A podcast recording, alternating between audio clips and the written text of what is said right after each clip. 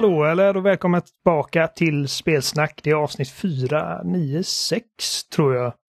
Eh, jag heter Oliver och eh, med mig har jag som vanligt har jag med mig Jimmy och Amanda. Hur är läget med er två? Det är fint. Det är ont i benen. Det är... Vad har du gjort med benen Amanda? Nej men vi har börjat att köra en eh, träningsdel nu som heter Russian Squat Routine. Det innebär att vi kommer köra i sex veckor och tre gånger per vecka med knäböj. Detta för att kunna öka vårt max i knäböj. Vilket innebär att vi också kommer gå som att vi har en glasspinne mellan skinkorna nu i sex veckor. Jag trodde du skulle typ dra något skämt om att typ KGB skulle springa efter en i trappen och det är därför man har ont i benen. Det också. Russian squat. Ja, det, det var inte särskilt solidaritetiskt. solidaritetiskt. Ord svårt. Ja, det, det är jobbigt med ord för Oliver. Kan vi döpa Eh, om det bara till knäböjsrutinen då? är det, är Johan sitter där bara yes. Tidigt in i avsnittet fick jag ett avsnittsnamn. Ehm, men också så har vi ju Adam också tillbaka, uh, så här, kär, kär gäst. Uh, hur är läget Adam? Jo, det, jag överlever. Ja. Det, jaha. Vad roligt Adam! Bra. Vi hade ju bettat emot men eh, visst. Man kan Sure. tänka att det är liksom bare minimum. Ja, nej men det är bra. Det är bra. Många Ja. bra spel på horisonten. Ja. Är du säker på att det är bra? Alltså nu börjar man ju tvivla. Ja, det, det är Ja. relativt. Blinka ifall det blir okej. Jag ser det inte. Men Eh, ja, men Adam är här för att eh, han har spelat två spel som vi ska eh, prata om idag. Och uh, jag menar alltså, vi, bara, vi har packat schema med spel så vi bara kör pang på rödbetan när vi börjar med att prata lite om Starfield som hade sin smygpremiär ifall man betalade extra. Det är ingen smygpremiär. Spelet släpptes den första september. Det, den Ja. jävla early access-skiten, den är fan, det, det, det är dumt. Alltså ärligt talat, det är dumt. Ja, jag, jag tycker också att det är lite dumt. Eh, För liksom, vad ska vi sitta och låtsas att Starfield inte har släppts?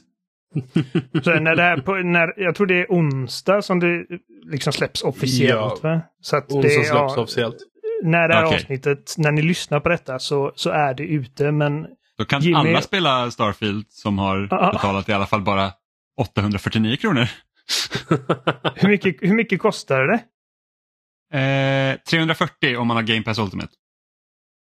Okej, så Ja. det, det blir liksom inte Så- så- 849 Det, det, plus det är lite 340. rabatt. Ja, eh, jag, jag, tror det var, jag tror det var 314 jag betalade. Ja, Och sen så kan man ju passa på då att när det här spelet reas ut om sådär typ ett halvår för typ 200 spänn. Då kan man ju köpa så att man liksom äger hela och inte bara typ en mars-outfit och möjligheten att spela det fem dagar innan alla andra. Det är min Ja. plan typ. Men, Jag men jag skyller på dig eh, Adam för att jag hade inte köpt det här om inte du hade, skulle vara med idag. jag var vi. svag, okej? Här, Adam, Adam skrev till mig bara för att han, han visade hur många, eftersom att du jobbar på Elgiganten och du fick in Ja. eh, fem exemplar av Starfield. Vi fick in fem exemplar som är till releasen, ja. Eh, och eh, du sa till mig, in, liksom, berätta för mig att jag är en idiot om jag betalar extra för att, eh, för att spela detta tidigt. Jag sa det skiter jag i, du får göra vad du vill. Och mycket riktigt så... Så var Köpte du en det? idiot. Mm. ehm, Ja, det är men i svagt. alla fall, ja. Så, alltså, Vi dömer dig Starfield- nu Adam. ja, jo, men det, det är Mm. bra. Jag förtjänar det. Det är därför han bara överlever. Han, han Ja. känner sig smutsig. Starfield är ju alltså utan tvekan det ett av de största spel, spelsläppen i år men också alltså tveklöst det viktigaste spelet för Xbox i år. mm. Eh, och eh, Jimmy och, och Adam har eh, som sagt, ni har spelat det, eller ni har kunnat spela det sedan i fredags i alla fall. Jag, vet, jag tror att Adam har spelat lite mer än vad Jimmy har. Hur många timmar in är ni för det första? Jag är nästan 30 timmar in. 30 Jag är tre ja, timmar in. Ja, okej. ja, men Jimmy, då kan du också sitta här och lyssna och lära dig grejer han spelat. Ja, precis. Mycket valuta för pengarna. Jag, jag ville bara liksom känna på det lite så att jag sa att okej, jag måste bara liksom säga att hur är inledningen, vad finns det för li, lite olika system bara för att liksom se en helhet. Det ska väldigt Värt. mycket till för att jag ska betala på det sättet när jag redan har betalat för att få spelet. Fast jag har inte betalat för att få spelet. Nej, men du har ju betalat för en tjänst där du får spelet. Ja, ja, absolut. Men tänk, Du vet precis vad jag menar. Jo, jo, jag men- försöker bara spinna det här till din fördel. men liksom, jag betalar inte för alla spel i Game Pass. Det är inte som att jag liksom känner att jag går miste om någonting om jag inte spelar ett spel som finns där. Nej, nej, men såklart. Värt Det jag menar krona. bara är att det känns onödigt att betala 300 spänn extra för att få spela det tidigare om man inte är jätteintresserad av det. Det vill säga, det jag är inte jätteintresserad. Jag servar våra lyssnare med min kunskap. Jag, jag Ja, är en dina sucker tre för timmars science kunskap. fiction. Och så hade jag, en- jag är en sucker för science fiction och jag bara... Ah, jag har en ledig helg. Vad ska jag göra? Jag kan skaffa och spela Starfield. Mm. Så jag passade Så- på. Så jag vet ju att du är ju, alltså du är lite, så här, lite barnsligt. Jag menar inte det på, på liksom ett hån, hånvist sätt. Men Mm. barnsligt förtjust i rymdskepp. Jag, alltså, jag är Eh. sån där legogubben i legofilmen. Bara Spaceship! Spaceship! Det, Ja, det, det, ja, men det är jag. det är som jag och typ stora monster och grejer. Liksom. Att jag, Ja. jag, jag, jag, ja, jag bara, eat, eat that shit up. Eh, Hade, God, hade Godzilla haft ett rymdskepp hade jag tyckt om honom mer. Ja, men precis. Eh, så det, jag kommer första gången hemma hos dig så hörde jag liksom typ när vi hade gått och lagt oss. Jag, jag låg inte på, eh, på soffan och så hörde jag dig lyssna på lore-videos om rymdskepp. Ja. I, eh, ja, så att det här är ju liksom, det här är ju din grej. Starfield, Oh, ja. att få, att få liksom löftet om liksom ett stort universum med otaliga planeter att besöka och du får köra och liksom helt och hållet skräddarsy din, ditt eget rymdskepp. Ehm, så min första fråga är hur, hur mycket bättre, eller är Starfield bättre än Redfall? Vad är det för jävla fråga? Redfall? Jag startade ens Redfall. Jag skojar bara. Det är ungefär som att fråga, är den här väldigt chokladiga glassen trevligare än romrussin? Eller, eller så här, Adam vad hade du föredragit? En pungspark eller spela Starfield? Det, nu, är det, nu är det bra frågor där alltså. Ja. Ja, nej, men jag tror att eh, när vi pratade i helgen så sa du, du uttryckte det så här att det är bättre än vad jag, eh, än vad jag befarade, för. Ja. men, men kanske inte lika bra som, som man hade hoppats. Nej, och, och, och kontexten där är att jag, jag har spelat jag har spelat en, en del eh, Elite Dangerous. Jag, spel, jag har även provat på att spela Star Citizen. Sådana här extremt ambitiösa rymdspel. Mm. Och jag hade förhoppningar att det skulle vara lite mer åt det hållet. Eh, och det nådde inte riktigt det hållet. Men jämfört med till exempel Fallout 4 som är ett spel som jag hatar trots att jag spelat det i 200 timmar. Så så är det försvara det spelet när jag bara, det här, ser, det, det, det, här, det här känns så stelt och trist och bara fult och du bara, men man kan faktiskt lägga en grej på andra Ja. sidan världen och så ligger den kvar där. Ja, och, och det, det, är en, det, är, det är en grej. Det, det är, fråga till Det är faktiskt en med grej. mig. Ja. Men, men vad, vad är det du gillar med liksom Bethesda RPG då? Alltså vad är det du gillar mest?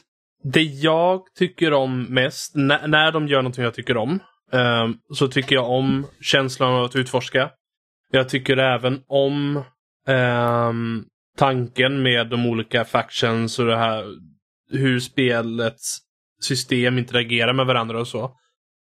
Uh, och på sätt och vis så gör Starfield det på många sätt, tycker jag. Även fast det finns vissa saker jag känner att de hade kunnat putsa på utifrån de 30 timmar jag har kommit in.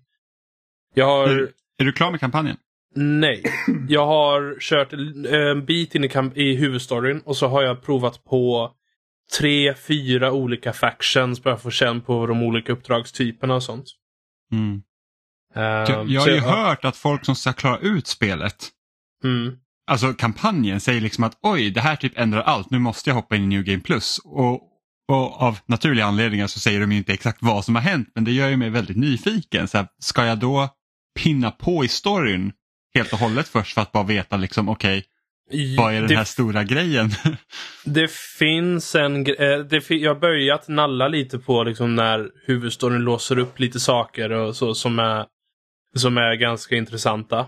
Ehm, så jag skulle nog säga att det kan vara bra att köra ett tjog av uppdrag i alla fall. Är lite story, lite sidogrejer som man tjänar upp lite pengar och kanske kan uppgradera lite bättre gear och sånt och sen fortsätta med storyn och så. Skulle jag nog rekommendera utifrån det jag har spelat än så länge. Mm. Lite precis innan vi börjar här så, så lyssnade jag lite grann på en av Kind of Funnys eh, podcast om detta spelet där Gary Whitta sa att eh, mina favoritspel ofta är liksom att det känns som att man besöker de här världarna mer än att man spelar någonting. Och jag, jag, jag förstår lite vad han säger för att när jag spelar, eller när jag drar, drar igång GTA 5 så känns det som att jag besöker Los Santos. Det är liksom en värld som, som känns så levande och så väl realiserad. Att min impact på den världen inte är det enda som, som lever i den världen. Liksom det är en organisk plats. Eh, och det liksom bjuder in mig till att bara finnas i den här världen. Och det skulle jag säga att Skyrim är den typen av spel också. Skulle du säga, säga att det stämmer lite på hur Starfield känns? Grejen med Starfield är att Skyrim och Fallout 4 till exempel, de är ju liksom en unison värld. Medan Starfield, då är det en serie av världar. Ehm, så de har inte riktigt exakt samma typ av behavior och så. Eh, skulle jag säga. Ja, det, nej. det är svårt att få det här att nej men nu går jag hit och sen så kommer jag liksom hitta massa grejer under vägen. Alltså liksom Mm. på det sättet som det var i, Sky, i Skyrim var det verkligen så att ja, men jag, jag väljer att gå till det här liksom Ja. stället nu och jag kan liksom till, det är nya grottor, nya byar, nya personer liksom. Och, Framförallt så valde Oliver att gå. ja, Oliver borde Ja, gå. det, Ja, det är sen gammalt det här.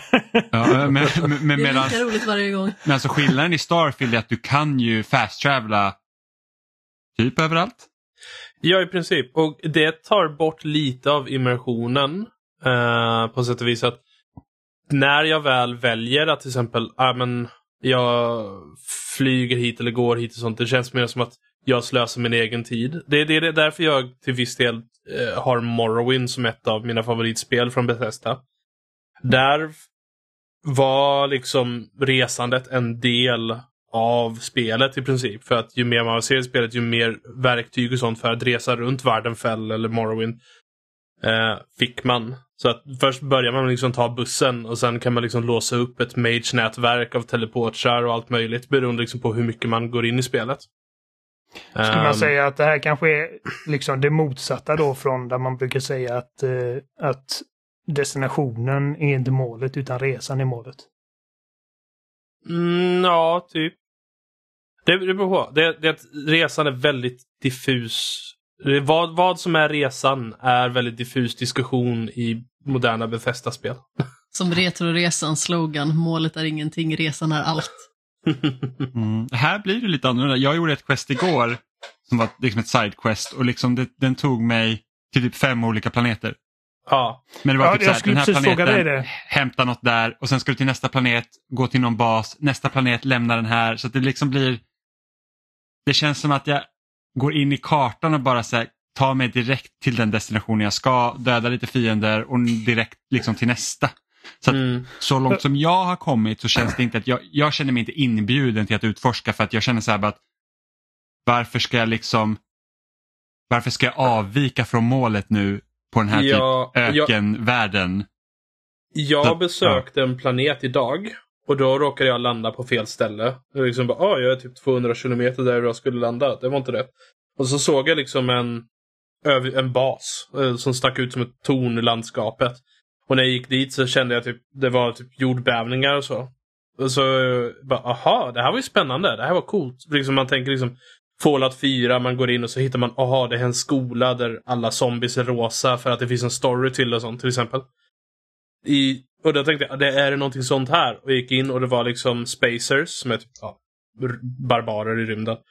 Um, och jag uh, sköt ihjäl allihopa och så liksom rotade jag runt men jag hittade liksom Som ingenting som sa liksom varför den basen var där och det var, verkar inte vara relaterat till de här små jordbävningarna jag kände överhuvudtaget. Det var liksom bara pynt.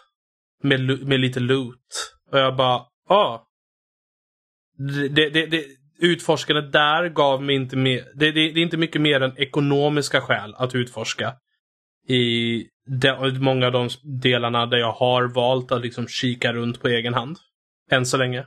Ja, jag förstår distinktionen du gör liksom att i, i som exemplet du berättade, liksom i Fallout kunde du liksom stöta på någonting som, som var distinkt eller liksom stod ut från Mm. det normala och så undersökte du och så, och så fick du Carson-effekt och liksom ett litet narrativ om varför det var som det var där.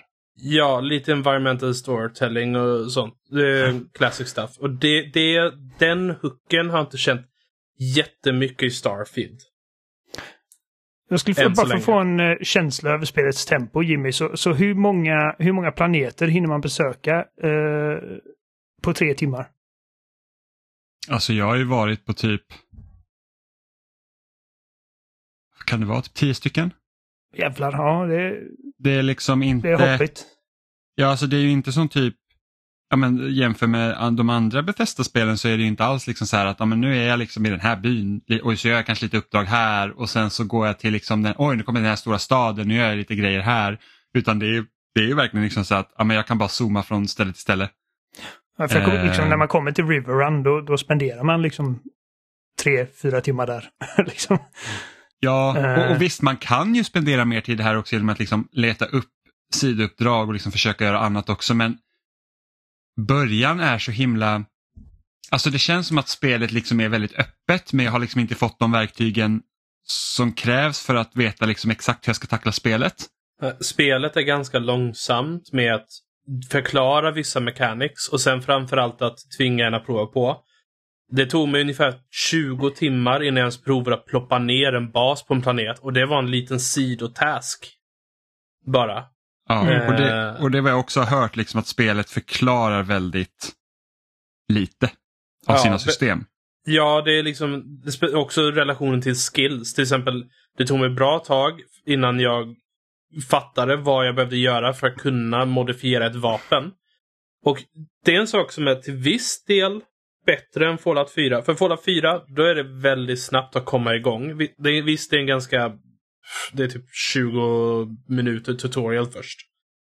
Um, men sen när man väl har kommit ut i världen, då, så länge man vet ungefär vad man ska sätta för skills och sånt, då kan man liksom börja komma igång med basbyggande och allt möjligt väldigt snabbt.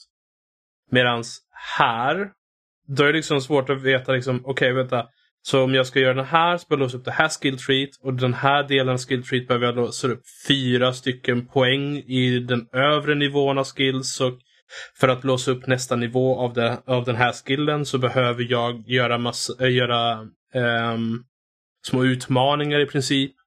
Så det, det är ganska invecklat och inte särskilt rakt på sak.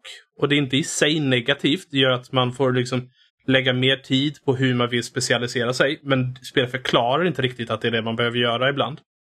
Eh, så jag flängde runt och liksom bara, men jag vill bara byta vilken kul jag sätter i min shotgun. Hur gör jag? Innan jag fattade att, aha, det kan jag inte göra på ett bra tag. Och, och det Okej. är väldigt mycket menysurfande i spelet. Mm, det håller Och menyerna är inte jättepedagogiskt utformade heller. Nej, och kartan på planeter är horribel. Det finns väl ingen karta, eller? Eh, Det är, det är ett blått fält som ser ut som lite knölar och så är det vita prickar på det fältet. Ja, och vilket är fruktansvärt för någon som jag som inte hittar någonstans. Alltså jag var den här, Ja, nu Alltså- minns inte jag vad den staden heter som man kommer till i början. Det är en av de största i alla fall. ja Och det var så här eh, New Atlantis. Ja, exakt. Och så bara, vart kan jag gå och sälja och köpa saker? Mm. Ingen aning. Nej, och, Och då tänker jag så här att är man då ett spel som utspelar sig på så här 2330 så tänker jag att man har kommit ganska långt i sin kartteknik. Men Ja. icke. och, och sen så är det inte heller jättebra för de som kanske inte vill fast travela överallt. För att då vill man ju kanske dra upp kartan och säga okej, hit går jag, dit går jag. Ehm, men det går inte riktigt här. Eh, utan det känns som att spelet uppmuntrar en till att fast travela överallt. Och det känns ehm, fel. Ja, och, och just för att liksom uppmuntra det här till då den ständiga fast traveling så kan de säkert inte göra den liksom för... Alltså de, de måste liksom begränsa det på något sätt så att du inte bara liksom typ zoomar runt till exakt dit du ska vara. Mm. Eh, så att det blir liksom mer så att ja, men jag hittar det här stället som säljer i, liksom vapen för de här priserna vilket är skitbra så det liksom blir min vapenkille typ. Mm. Och det minns du. så att det, ja, det, det är vad jag tror att de kanske har tänkt. Det är så jag gissar också. Sen de flesta är... Jag kan erkänna, jag, är, jag önskar att jag hade kunnat sätta mer markers eller lättare kunnat hitta saker. För jag kommer inte ihåg vilket solsystem um, um, är det andra factionens huvudstad är i. Ja, det är liksom... Nej det, det, det känns väldigt märkligt hur de förväntar sig att man ska komma ihåg allt på ett bra sätt. Ja, antingen det eller så tänker de så här att nej, men det kommer guider. Liksom Ja. att, att, att, att, att vi liksom typ ödslar tid på att göra det liksom så bra som möjligt i spelet, det, det liksom kommer bli onödigt för att det kommer Men- liksom komma guider. Pro- Men pro- ja, det kom, ja, det kom ju grejer men sen, ah, det är så Bethesdas eh, sätt att tänka. Eh, Sen kommer jag, kan jag tänka mig också att de kommer lägga till och fixa lite system med kanske några expansion eller något sånt. Som de gjort med Fallout 4 bland annat. Ja, det är mycket möjligt. Ja, så... Nu det låter som att man gnäller, men alltså... Jag tycker om det jag spelat, men det är mest för att jag tycker om själva världen. Jag tycker om de här olika factions, jag tycker om estetiken i världen. Eh, och jag Ja, det, älskar är otroligt, det är otroligt snyggt, liksom, Ja, alltså stilmässigt. Alltså, första gången man typ går in i sitt skepp är var man så här, åh gud vad liksom, ja, Så otroligt detaljerat. Och allt. Ja. Ja. så det, det är liksom, alltså, väldigt detaljrikt och speciellt med tanke på att nu har det ju gått väldigt många år sedan Fallout 4 och Fallout 4 var ju fult när det släpptes. Mm. Eh, och det här visst, det, de har ju fortfarande problemet med att deras karaktärer ser typ helt döda ut. Eh, Ja. Det är någonting med ögonen som gör att det inte stämmer. Men, De stirrar för mycket. Precis, men å andra sidan så är det, alltså det ser väldigt mycket bättre ut och speciellt med att med tanke på att de för, inte har liksom animationerna i ansiktet är förmodligen liksom genererade enligt liksom hur de pratar då snarare. de är liksom, inte handgjorda. Nej, det, Mm. nej, det är inte motion capture Mm. eh, förmodligen då. Och liksom, det ser ändå rätt så bra ut. Ja, ja, alltså på det planet är det betydligt bättre än Bethesdas tidigare spel och de har gjort ett rejält lyft. Det, det har de verkligen.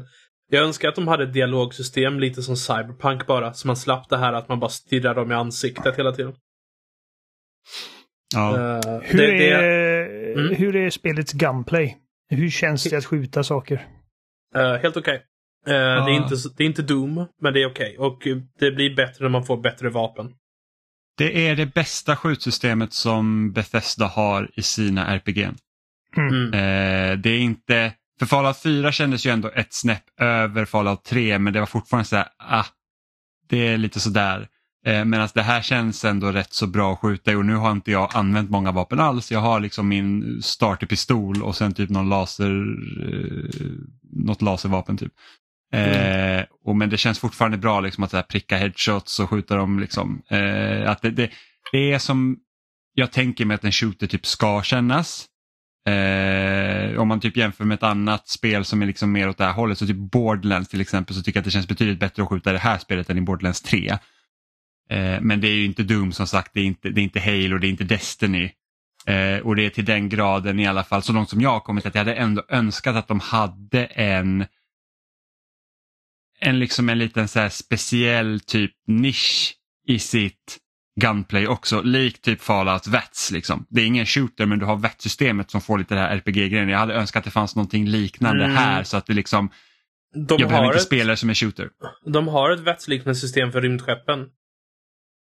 Eh, som Ja. man kan låsa upp. Eh, vilket förvånar mig för jag råkar bara trycka på en knapp och så råkar jag gå in i det och fattar inte vad jag gjorde. Och det använder Stannar man för att kunna då, träffa liksom- olika delar av skeppen. Stannar tiden upp då så får man liksom... Det, det, det saktar ner ungefär som i Fallout 4 och så kan man Ja. välja till exempel om man vill skjuta sönder deras motorer så att man kan borda dem och liknande. Ja, jag fick en tutorial på att jag kan eh, på att man kan skjuta vissa delar på skeppet men jag har ju inte den funktionen. Nej, det, det är, du måste låsa upp det i skill treet längst till Mm. höger. Eh, det är det att de, de, den berättar lite men inte riktigt allt. Mm.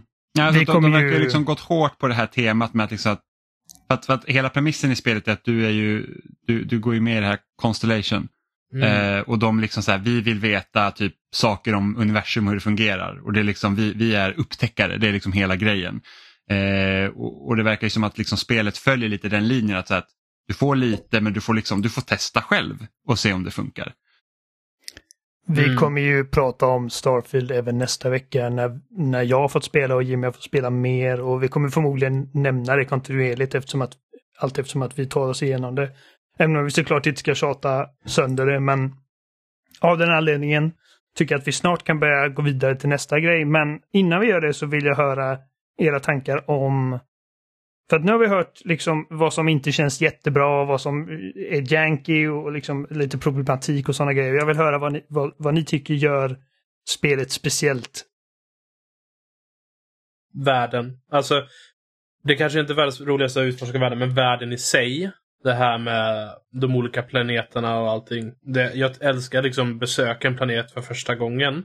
Och se liksom staden som är där och så. Så världen och att utforska den är det bästa.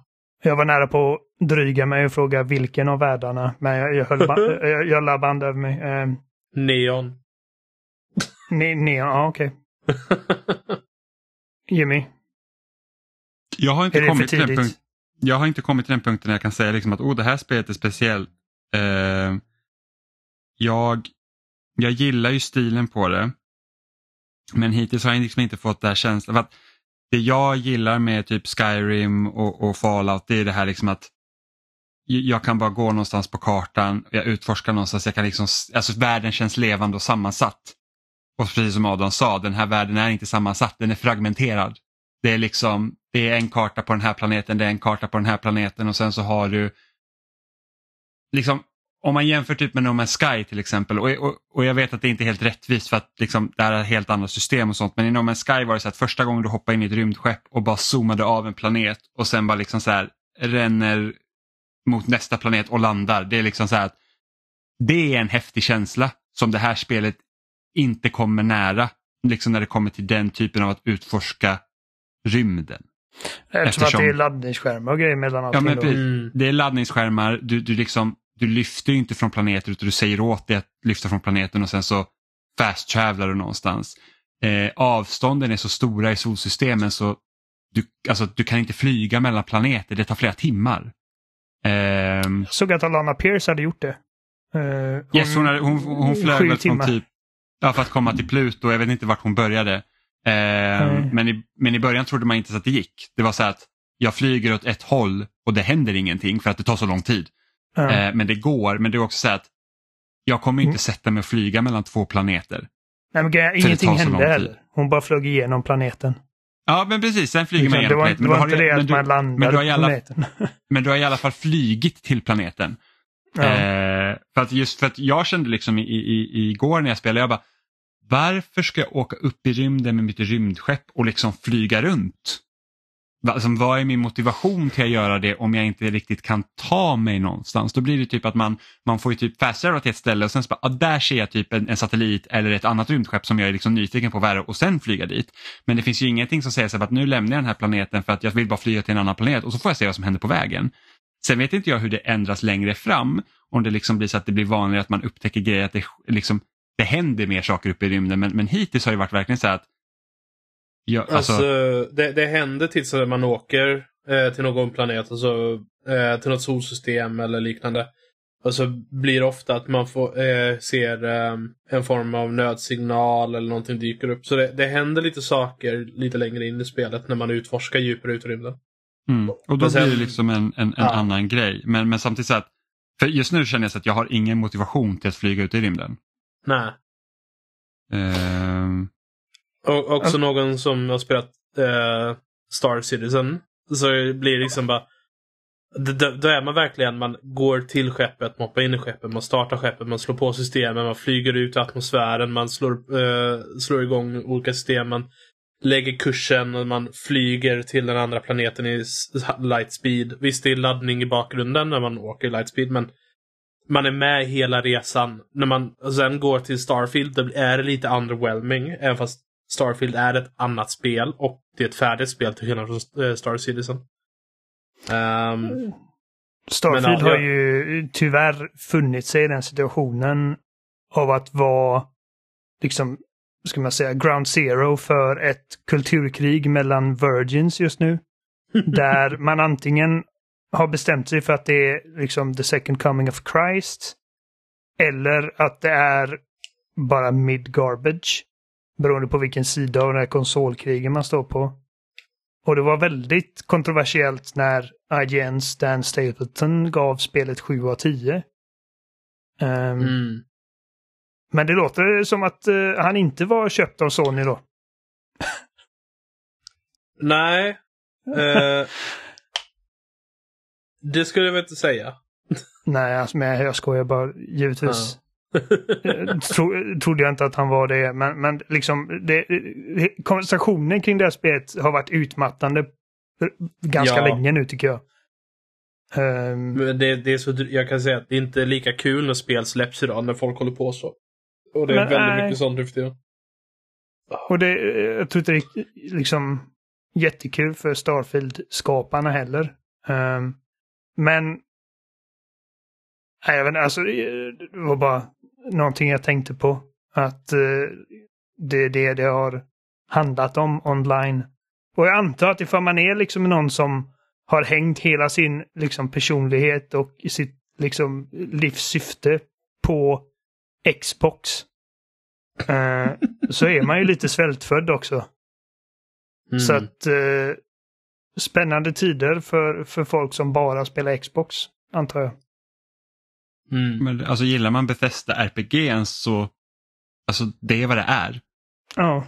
Ehm, och som sagt, jag tror ju att jag kommer... Alltså jag, tror, jag, alltså jag gillar det som det är nu. Jag är, liksom, jag är ju sugen på att spela vidare såklart. Eh, men jag har liksom inte fått så här wow än. Nej, Jag, jag, kom, jag, jag är hyfsat hooked än så länge och när vi är klara att spela in här så kommer jag liksom sätta mig och fortsätta spela det. Så jag är in än så länge all the way. Och eh, ja. Och typ jag skulle nog säga att minst 15 procent av speltiden jag spelat är att jag har byggt och modifierat mitt skepp efter jag vill ha det. Ja, det, ska, det, det, det, är jag jättesugen på sen att testa liksom börja bygga mitt skepp. Men, men liksom, som sagt, jag måste pinna på i storyn tror jag lite. Ja. Och liksom bara så här, få liksom, hitta, min, eh, hitta min footing lite om man säger så. Eh, för att inget av Bethesda spel har liksom varit kärlek vid första ögonkastet. Liksom. Fallout Nej. 3 var ju liksom verkligen så här att ugh, när man började spela det. Det tog jättelång tid innan jag kom in i det. Eh, Oblivion tyckte jag inte jättemycket om. Eh, till, den, till den grad att jag inte köpte Skyrim när det släpptes utan jag tror det var du Oliver som övertalade mig att jag, jag, jag borde spela det. Eh, och, och Skyrim älskar jag ju. Eh, men det För var ju inte från första första. stund. Eh, och Fallout 4 tyckte jag var okej, Fallout New Vegas tyckte jag inte alls om heller för jag tyckte inte om öknen. Och, och jag spelade Ah. Fallout, eller Fallout New Vegas. Eh, och jag spelade jag började ju om förra sommaren på Fallout New Vegas. Så, så här bara, ja men nu, liksom, jag har aldrig spelat ut det här, jag kanske borde göra det. Och då bara, ja men det är ju riktigt bra. Ja, jag älskar Ehm. Fallout New Vegas och jag spelade på Playstation 3 back in the day. Det var Nej. värdelöst. Men jag älskar det. Ja, Jag gillar fortfarande Fallout 3 mer än, än, än New Vegas. Eh, Mm. Men det är bara för att, som sagt, jag är inte jätteförtjust i öknen alltså. Mm. Eh, jag älskade Washington. Så att, Ja, alltså det som jag föredrar. Jag hade också problem med öknen i New Vegas. Det som jag älskade var mer att hur rollspelsystemet fungerar i eh, New Vegas och hur de revampat. En sak som jag inte tycker om att de har i eh, Star, eh, Starfield. Det är att de till exempel i Persuasion, att de fortfarande kör att det är chansbaserad att övertala någon. Så även om jag väljer samma dialogval när jag försöker övertala någon. um, så finns det risk att det failar eller lyckas och så. Det gör ju att det bara är ett save scam system mer än någonting annat. Medan till exempel hur Obsidian gör det. Då har man skillen, att, eller det man behöver för att övertala någon till något, då, då kan man göra det. Medan här liksom bara, eh, ladda sparfilen. Ja, och sen så tycker jag liksom att jag tycker karaktärerna är så konstiga svar också när man försöker övertyga om någonting. Det känns inte som Ja. en dynamisk konversation med Ja, någon utan det är kom- verkligen så här att jag tryckte han bara, ah, jag, jag har inte tänkt på det på det här sättet och sen så tar man något annat och blir han lite sur och sen Ja. så tar man liksom något som är bra igen och då säger han exakt Kom- samma sak som första gången. Och man så bara, Ja. Kommer du ihåg Persuasion Pie från Oblivion? Det är typ så fast med text. Ja, men, ja, men, ja. Så att det är liksom så det är väl inte heller ett system som är och speciellt, alltså, det är inte så länge sedan jag spelade Pentiment till exempel som, som bara går ut på konversationer. Mm. Eh, och där kan du också då eh, försöka övertyga folk och det känns ju betydligt mer dynamiskt och levande. Det känns faktiskt som man liksom pratar med en person medan här, liksom, här känns det som att jag pratar med systemet. Jag måste fortsätta med Pentiment. Jag Alltså, Pentiment. Ja, ja, jag, jag, Pentiment är så bra. jag råkade pausa det och så glömde jag komma tillbaka till det. Men jag måste verkligen fortsätta med det.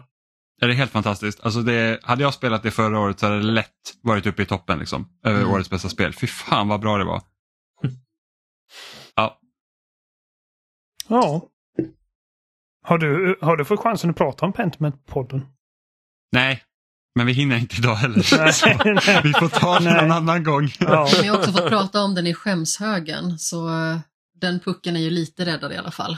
Ja, Ja, om man vill alla höra borde, vad alla Jimmy... borde spela Pentiment. Ja, och lyssna på Jimmys eh, Pentiment-snack på skämshögen. Mm. Jag tror att till och med du hade tyckt om Pentiment Oliver. Ja, ja, det- har varit på min lista att testa, men, det, det har inte bara blivit av än. Eh, Men så här, men- Jag var ju rädd för att spela Pentiment för jag tänkte det är mycket att läsa och jag vet inte om jag är i modus för att spela ett spel där jag måste läsa mycket. Men de har gjort spelet så bra och det är så lätt att ta sig igenom den texten man läser att det är liksom det bekommer mig inte utan det är liksom bara så att det är rapp Nej. dialog, det är liksom korta textsnuttar så det är liksom det är bara, det är bara flytta på. Alltså, så att, eh, jag, jag, älskar, jag älskar också detaljen i, bara för att nämna, jag älskar detaljen i spelet hur fonterna när folk pratar sälj, säger typ nästan allt om deras personlighet. Och, Ja, så, ja det är så den- bra. Och hur den änd- alltså fonterna ändras ju också beroende på hur huvudkaraktärens eh, uppfattning om karaktärerna ändras. Ja. Så att man pratar med någon typ så här präst Mm. eh, och han har den här typ, ja men ni vet den här, den här gamla så här old English book. Helvetica-stil. Ja. Nej, inte helv- ja, men den här jätte liksom så här, typ så att det här är på, i en fin bibel liksom. Typ en Ja. psalmbok. Ja. Men precis och sen får man veta typ att han egentligen kommer från en så här riktig arbetarklassfamilj, liksom så här fattigaste fattigaste och då ändrar hans font direkt till att bli den här simpla liksom snirkliga stilen. Äh, Det låter intressant faktiskt. Alltså Ja. det spelet är så smart och det liksom kretsar kring liksom mord, eh, ett mordmysterium egentligen under, över en längre tid. Vilket gör också att, liksom att det är jättespännande också. Och man hamnar ju liksom mitt uppe i den här jäkla konspirationen för att man försöker ju lösa det. Du, det liksom äh, hamnar på dina axlar. Ja, det, ja för fan, äh, det är riktigt bra. Jag, jag tror att för, för, för spel där det är liksom mycket text så tror jag att de, man måste verkligen grabba mig direkt. För eh, det gjorde, det lyckades eh, Firewatch göra. Liksom, jag hade kunnat sitta igenom en timme av det, alltså hur det spelet börjar, liksom, där det bara är textbaserat och man liksom väljer sin lilla backstory. Medan när jag körde det spelet som ni älskar, eh, rymdskeppsspelet som också är dialogdrivet, Citizen Sleeper. Citizens, precis, det kunde jag bara spela tio minuter innan jag somnade i princip. Så att, eh, men, men, eh, men du säger också liksom att det är väldigt snappy i dialogerna. Och, liksom, så att, eh, ja, jag ska absolut jag ska absolut eh, ge det en chans. Jag ska försöka spela det igen innan Cyberpunk-expansionen släpps. Jag bestämmer nu. Jag, bes- Ja, jag bestämmer det här nu. För typ skillnaden mellan Pentiment och Citizen Sleeper, det är att Citizen Sleeper då, då pratar du om liksom en karaktär och sen så, så, så går ni igenom allt liksom vad ni håller på med. I Pentiment så liksom, du har ju liksom en, en vad ska man säga, en, en, en stad du är i och du går runt med din karaktär och du går runt och pratar med den och sen måste du gå till nästa karaktär och prata med den och liksom kolla så och sen så när du kommer djupare ner i det här eh, mordmysteriet också, sen så helt plötsligt så att du har inte tillräckligt med tid att undersöka alla leads. Så där måste du göra ett val över vad, vad du vill undersöka så att du sen kan liksom peka ut vem som har gjort det. Ja, det, ja, det är så bra. Det är så bra. Men Pentiment är ju lite mer dialogfokuserat också än vad Citizen Sleeper är, för det har ju en ganska så spelig komponent till sig, det vill säga det här tärningssystemet där man då pytsar ut olika tärningar på vissa typer av aktioner som man vill göra liksom under sin cykel. Mm, Så ja, det är ju lite annorlunda uppbyggt. det är en bra precis. distinktion faktiskt. För att uh, Citizen Sleeper kände jag hade mycket flavortext och sånt som, som inte liksom nödvändigtvis eh, liksom förde liksom the plot vidare. Um. Mm. Och sen så i Pentiment så du väljer ju också vilka trait din karaktär har. Liksom så här. Och som, som jag, jag körde så att typ min karaktär han, eh, han hade studerat biologi för att liksom försöka bli läkare. Eh, var väldigt förtjust i böcker och typ kunde latin. Eh, vilket påverkar också så här, vilka personer förstår jag? Eh, vilka dialogval kan jag använda i vissa situationer för att jag har helt annan kunskap. Så att det så, så typ så enkelt, jag, jag hamnar liksom i, i en dispyt med, med byns doktor. För att jag sa minst att jag har studerat biologi på universitetet och det, det, gick inte så bra för att han hade liksom faktiskt jobbat som doktor och det hade inte jag gjort. Så att, ja, Mm. så att liksom sådana grejer. Så att det, nej, jätte, jättebra.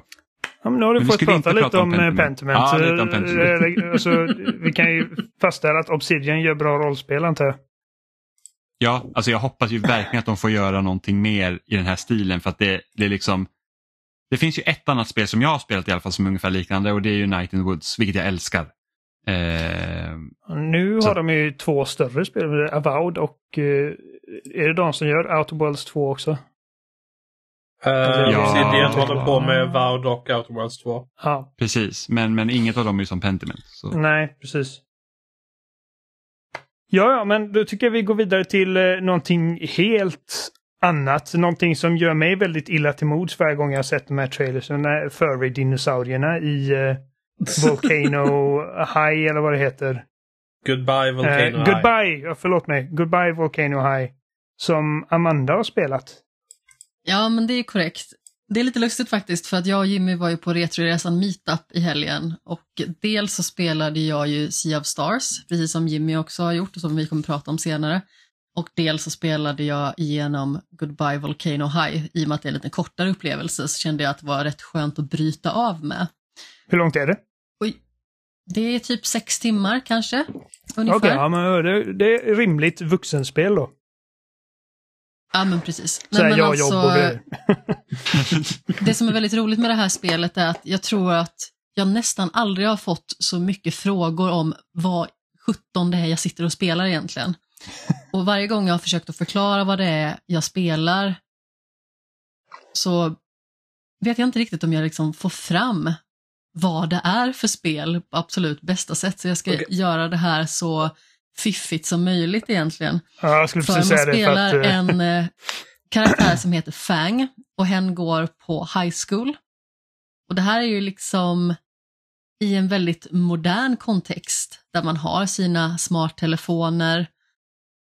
Det är en väldigt moderniserad jargong så som det skulle vara nu. Men en dag får de veta att det är en meteor på väg mot jorden och de riskerar total utrotning. och de är Och alla karaktärer är ju antropomorfiska dinosaurier. Så Fang till exempel, som man spelar som, är en mänskligt utformad pterodaktyl. Så det är liksom utformningen på alla karaktärer. Det är mänskligt utformade kroppar, men det är attribut för övrigt. Precis som till exempel i Night in the Woods, där det då är andra typer av djur istället. Men det är ju en ganska så ödesmättad premiss helt enkelt, att du går på high school, men du vet att en meteor kommer och du kommer förmodligen dö i slutet. Oavsett vad du gör och vilka val som du väljer under vägens gång. Lite mörkare än vad jag förväntade mig faktiskt. Eh, Ja, jag förväntade mig inte tonårsdrama. Jag, för- alltså jag förväntade mig mera typ tonårsdrama landet för länge sedan. ja, men Ja, men precis. och så går de i high school också. Så, och hade jag varit i high school och jag fick reda på att jorden kommer gå under så hade jag känt, vad fan gör jag på high school? Men det är väl lite det de ställs inför också i det här spelet. För att man har ju ett gäng av karaktärer runt omkring sig som man knyter an till. Dels de två som man spelar i samma band som, men också liksom ett gäng vänner runt omkring som då har väldigt olika karaktärsdrag och bidrar med olika saker till gruppen. Och de här får man ju lära känna mer och mer längs med vägens gång. Och varje gång det är något val man gör som påverkar en relation så får man liksom en liten symbol uppe i ena hörnet. Det jag gillar väldigt mycket med det här spelet, det är liksom hur det växer. hela vägen igenom. För i början så kände jag verkligen att jag har sett fram, som, fram emot det här spelet så himla mycket. Men jag var lite underväldigad om jag ska vara helt ärlig. Framförallt så kände jag mig väldigt gammal bara för att jag har väldigt svårt att ta till mig tonårslingo. Ja, jag med. Alltså framförallt i text så blir det liksom som att jag är eh, Kerstin, 85 år, som läser liksom typ 15-åringars te textmeddelanden. Nu ska de ju vara, vi säger lite äldre än så. Men det är lite den känslan jag får, vilket kan vara lite störande. Det var samma sak när jag spelade We Are OFK förra året. Att jag fick lite den känslan. Men ju längre in i upplevelsen jag kommer, desto mer ser jag verkligen vad skaparna vill få fram. För det är liksom inte bara en berättelse, en berättelse om hur dinosaurierna håller på att bli utrotade, utan det är ju också en berättelse om vår samtid i och med att det fokuserar liksom mycket på identitet, vem man vill vara, hur omvärlden responderar på det. Så det är liksom det moderna möter det uråldriga på något väldigt flummigt vis och det funkar. Mm. Och sen så spelar man som mig. sagt i ett band. Ursäkta, fortsätt. Vad sa du Oliver? Jag skulle säga, alltså, måla upp en bild av liksom, vilken typ av, alltså hur spelar man detta? Är du i kontroll av en karaktär? Som, får du gå runt på den här skolan? Eller är det mer som ett, en liksom, ska man säga, en, vad kallar man en graphic novel? Hur, hur spelas det? Det är en narrativ upplevelse, så man fokuserar främst på dialogval, där man då pratar med de här karaktärerna som man får lära känna längs med spelets gång. Man har sina två bandkamrater som man försöker styra upp en eh, ny låtlista tillsammans med till exempel för att man ska vara med i ett sånt här Battle of the Bands. Och det är huvudkaraktärens liksom stora dröm att bli erkänd som musiker. Och där får man liksom hela den biten med att alla kanske inte är på samma plan alltid, vilket kan göra att relationer leder någonstans som man inte har tänkt från första början. Folk kan ju ha massa andra ambitioner, man kan ändra sig, i synnerhet när man fortfarande är ung, så vet man ju att livet är otroligt föränderligt från dag till dag. Både liksom när det gäller stil men också när det gäller vad man vill engagera sig i. Och det blir väldigt tydligt här. Men sen så får man ju också spela lite lätt när det gäller musik. Så dels får man komponera lite låtar, man får lite låttextförslag som man sätter ihop. Men sen så får man också med sin gitarr stå och öva och man gör uppträdanden och då är det lite annorlunda system för att man använder dels den vänstra analogstickan för att fånga upp någonting som man skulle kunna säga blir noter. då är det tre olika riktningar som det kommer blobbar som man ska fånga upp. Så då styr man eh, i den riktningen blobben kommer ifrån och så ska man helt enkelt med liksom typ ett slukhål eh, fånga upp den här blobben. Det låter jätteflummigt, det är jätteflummigt, det blir mer solklart när man ser det. Så googla Goodbye Volcano High eh, ifall man vill kolla lite grann på det.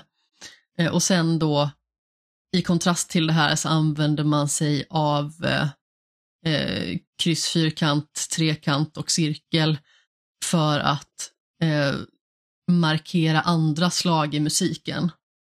Och även L2, R2. Så det kan vara lite knixigt sådär, lite fingerfärdigt.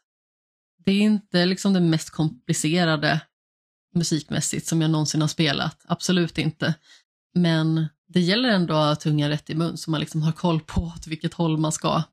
Och det finns ju liksom troféer då som är knutna till att man till exempel ska få över 90 procent på alla sina framträdanden, vilket jag eh, väldigt överraskande eh, klarade av. För Det kändes som att det gick sämre, men det gick ändå tydligen då relativt bra. Men eh, som sagt, ju längre in i berättelsen man kommer, desto mer känslosam blir den.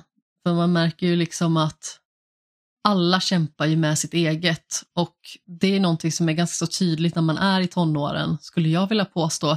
Att man är så himla uppslukad av sitt eget mörker, av sina egna problem, av att man vill kanske vara annorlunda, men man vill också passa in och man har liksom sin egen sfär av intressen och var man lägger sitt fokus på.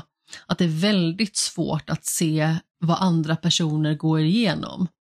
För att tonåringar är väldigt liksom självcentrerade, det är väldigt mycket egen fokus för att man håller på att formas som person. Men när man liksom fortsätter de här dialogerna och lär känna personerna mer så förstår man ju att alla kämpar ju med någonting. Eh, man har en bror till exempel som också har liksom sitt mörker. Han är liksom den här eh, toppstudenten som är eh, i stort sett elevrådsordförande i mångt och mycket. Men när han har då ett syskon som kanske är den mer alternativa typen, som är den rockiga typen, som är lite rebellisk, då ger inte det honom utrymme för att vara det, för att han inom citationstecken måste vara den normala. Vilket han kämpar med, för att han vill inte vara, så att säga, normal. Så det finns ju liksom sådana nyanser hela vägen igenom. Och jag tycker att eh, de lyckas binda ihop det väldigt snyggt i slutet. Och eh, Missuppfattade slutet var väldigt känslosam. Ja. Uh, jag, alltså, förut, jag tyckte jag... Du sa att det var... Uh, inte, du sa inte att du var besviken men att det kanske inte levde upp till för uh, liksom... Inledningsvis var det så. Ja, okej. Okay, ja. Mm. Jag skulle Men- inte säga att det kanske är absolut bäst i år, men genom upplevelsen så klättrade det helt klart. För kanske två episoder in, kanske tre, så kände jag att jag var lite underväldigad i relation till vad jag hade hoppats på att få ut av upplevelsen, för det är ju någonting som jag sett fram emot jättelänge, det här spelet. Men det växte då. Men det växte jättemycket och eh, slutet var jättekänslosamt och framförallt så hade det världens panglåt som avslutning som jag säkert har lyssnat på redan 70 gånger känns det som. Kanske inte så många men eh, jag blev klar med det under dagen i lördags och efter det så har jag spelat eh, den låten jättemånga gånger. Också för att den har ett vemod och den är väldigt känslosam. Den påminner mig väldigt mycket om slutet men samtidigt så, jag vet inte, den ger liksom en så stark känsla. Det, det är svårt att beskriva musik ibland. Det är intressant för att jag, jag känner igen mig i det. För att jag har haft, liksom när jag har spelat spel och, eller sett film, där en låt i eftertexten eller någonting verkligen har satt punkt så jävla perfekt på den upplevelsen. Uh, att hade jag hört den låten liksom utanför kontexten av den berättelsen så hade jag förmodligen inte liksom, det är svårt att säga, men då hade jag kanske inte ens reagerat över att, åh vilken låt det här var. Uh, liksom, jag menar, eftertexterna i, eh, i God of War Ragnarok med Hosier liksom och, och hur hela den resan landade där den landade och eh, hur den låten liksom verkligen inkapsulerade den känslan. Eh, Late Så- Goodbye i Late Max Goodbye Payne Mass- 2. ja, Max Payne 2. Ja. Åh. Jag också precis. typ så här en credits-tema till Skyward Sword. Liksom att man, man har gått efter den resan liksom och typ de revelations man får liksom i slutet av spelet. Sen så kommer en credits-temat bara så här, puff, och man bara what? Mm. Jag älskar ju avslutningslåten i första Mass Effect också. Jag vet att det kan vara lite kluvet kring den för att många tycker att den inte passar in. Jag älskar den låten. Jag tycker den är otrolig. Tycker jag är en kanon. Eller, eller Path of Neo när de spelar We Are The Champions. ja.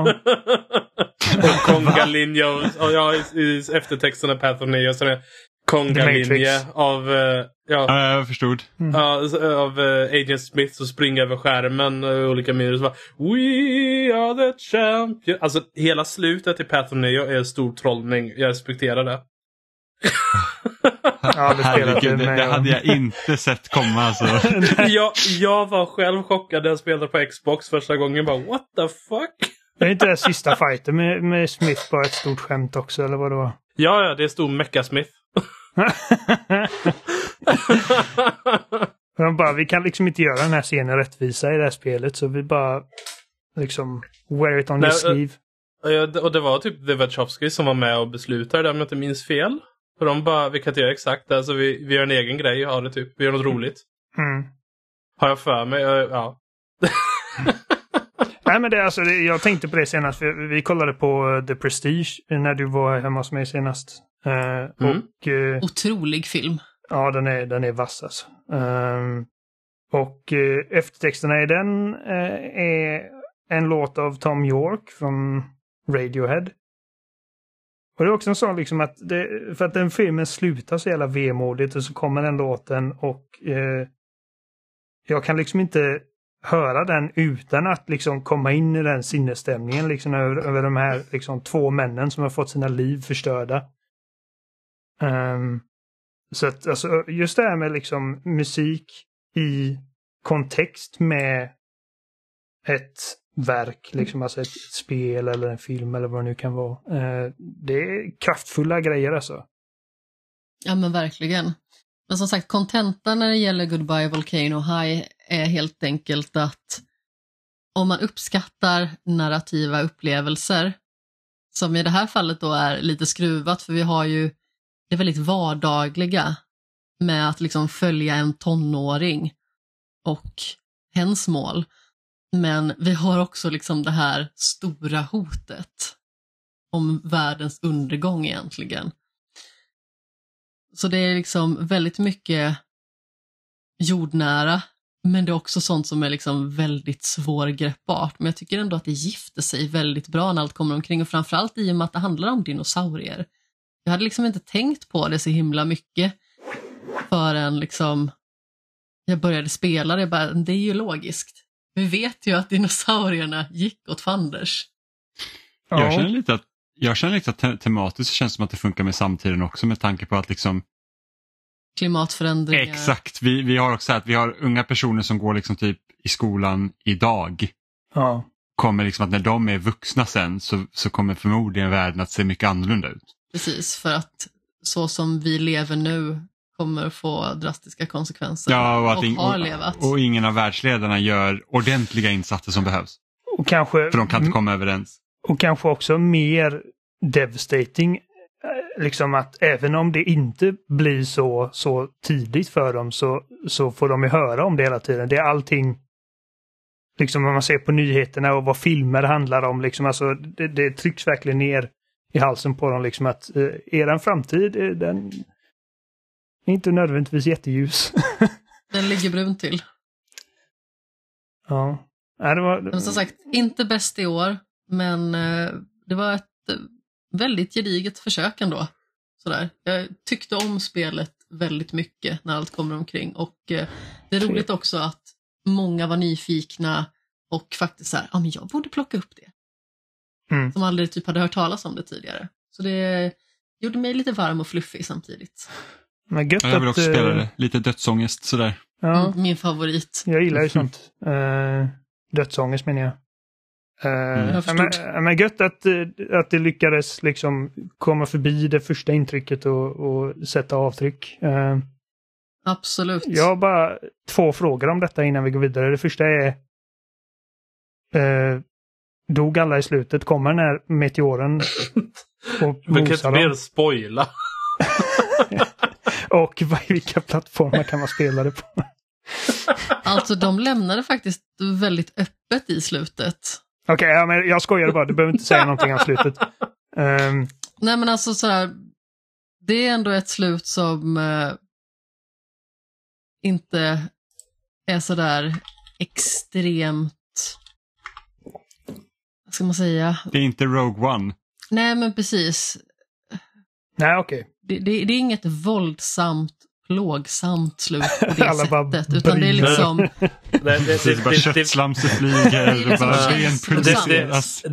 det, visar sig att, eh, att spelet är en prequel till Star Trek Voyager-avsnittet Distant Origins. När det är dinosaurier som blir räddade av utomjordingar och, och har en egen or- civilisation på andra sidan galaxen. Det, det är en stor överraskning. Nice nej men som sagt jag tycker att de håller i det ganska så bra just med att det ändå är en relativt jordnära berättelse. Det vill säga att slutet är mer känslosamt och fokuset ligger mer kring karaktärerna och hur de mår. Och eh, hotet är fortfarande relativt i periferin. Nice. Och sen så kan man spela det på Playstation 5 och PC. Ja, Jag tror inte man kan spela det på något mer. Finns det inte på Switch? Men jag tror faktiskt att det var när det gäller konsol exklusivt för Playstation. Det kanske ska komma på Switch. Det är mycket möjligt, men jag tror att det i alla fall var så vid släppet. Det släpptes den 29, samma dag som Sea of Stars som vi snart ska prata om. Adam. Playstation 5, Playstation 4, Microsoft Windows och Mac OS. Ja, Mac till och med. Eh, Adam, de här dinosaurierna som de räddar i Star Trek, har de utvecklats till att vara liksom intelligenta som oss? Och Ja, ja. ha ja, ja, de kontorsjobb och är, grejer? ja, ja. Och eh, de är eh, religiösa fanatiker som vägrar erkänna att de kommer från en annan planet och så. Hela avsnittet handlar om eh, eh, ortodox tro. Det är ett jättedåligt avsnitt, titta på det. Jättedåligt avsnitt. Alltså, det, Voyager är Voyager. Okej. Ja, ja, men det var, det var, det var intressant. Okej, Sea of Stars. Synonymt med Starfield antar jag. Ehm, Ja, precis. Vi har inte bara raceat bland stjärnorna i Starfield, vi har även... Ja. Ja, nej. Inte så mycket stjärnor i Sea of Stars heller faktiskt. Okej, v- fråga. Vad är Sea of Stars? Jag har sett alla tjata om det och jag har inte startat det eller något sånt än för jag har haft andra spel. Beskriv det, vad är det? Sea of Stars är typ ett kärleksbrev till SNES-erans JRPG. Eh, och först och främst egentligen Chrono Trigger.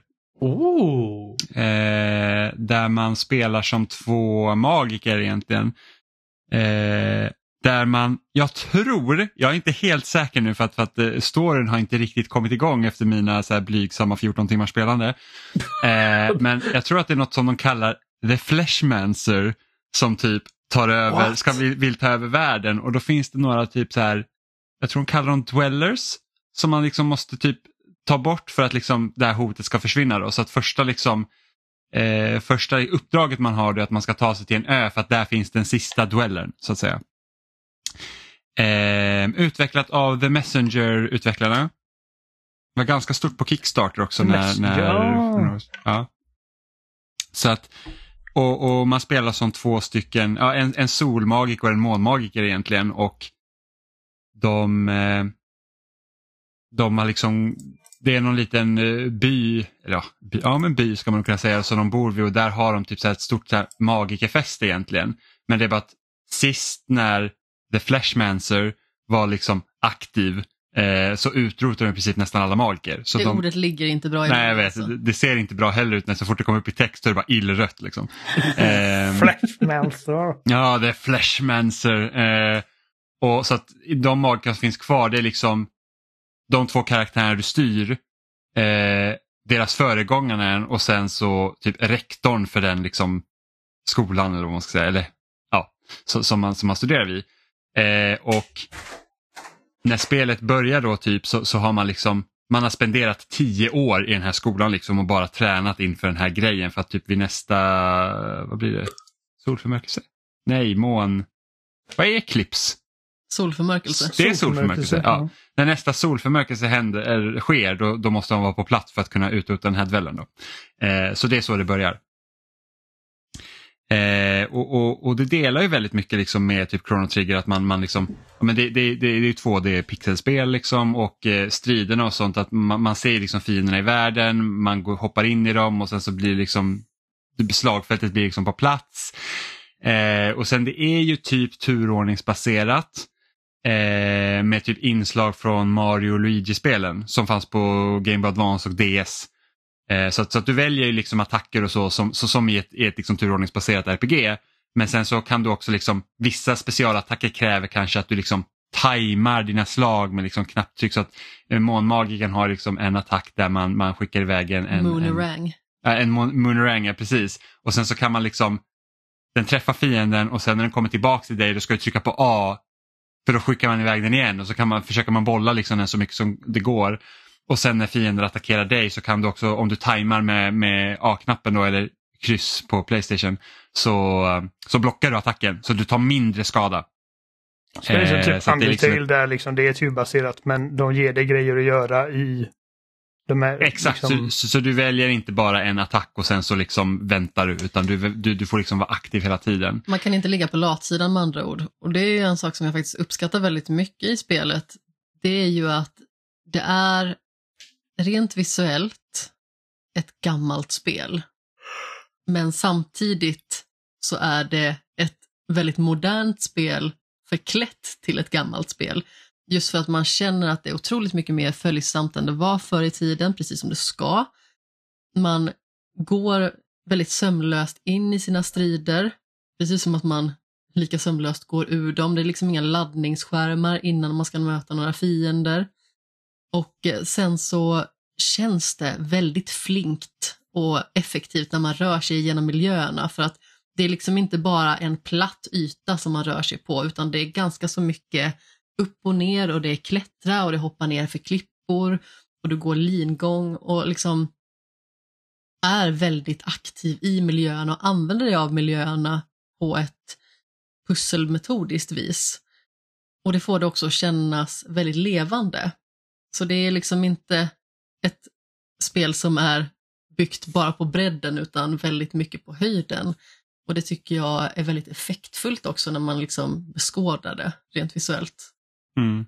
Jag funderar också, här, vad är det som gör att det känns så himla liksom, enkelt? Alltså det är lite nästan som Celeste känns för 2D-plattformare. Liksom att Celeste kändes också väldigt följsamt liksom, och, och, och modernt även om det liksom, spelet i fråga egentligen inte ser modernt ut på grund av liksom, att 2D pixelgrafik och sådär. Det är liksom inte... Det är så tajmingen och smidigheten i kontrollerna tror jag väldigt mycket. Att det känns som att i de äldre spelen så finns det lite kanter som man stöter i hela tiden medan här så känns det liksom som att man smyger runt i bomull hela tiden. Jag Ja, har fortfarande den här varma, lite mer tillmötesgående känslan så som det är i, i nya spel, liksom att det- känns som att man har lärt sig väldigt mycket av spel under väldigt många år.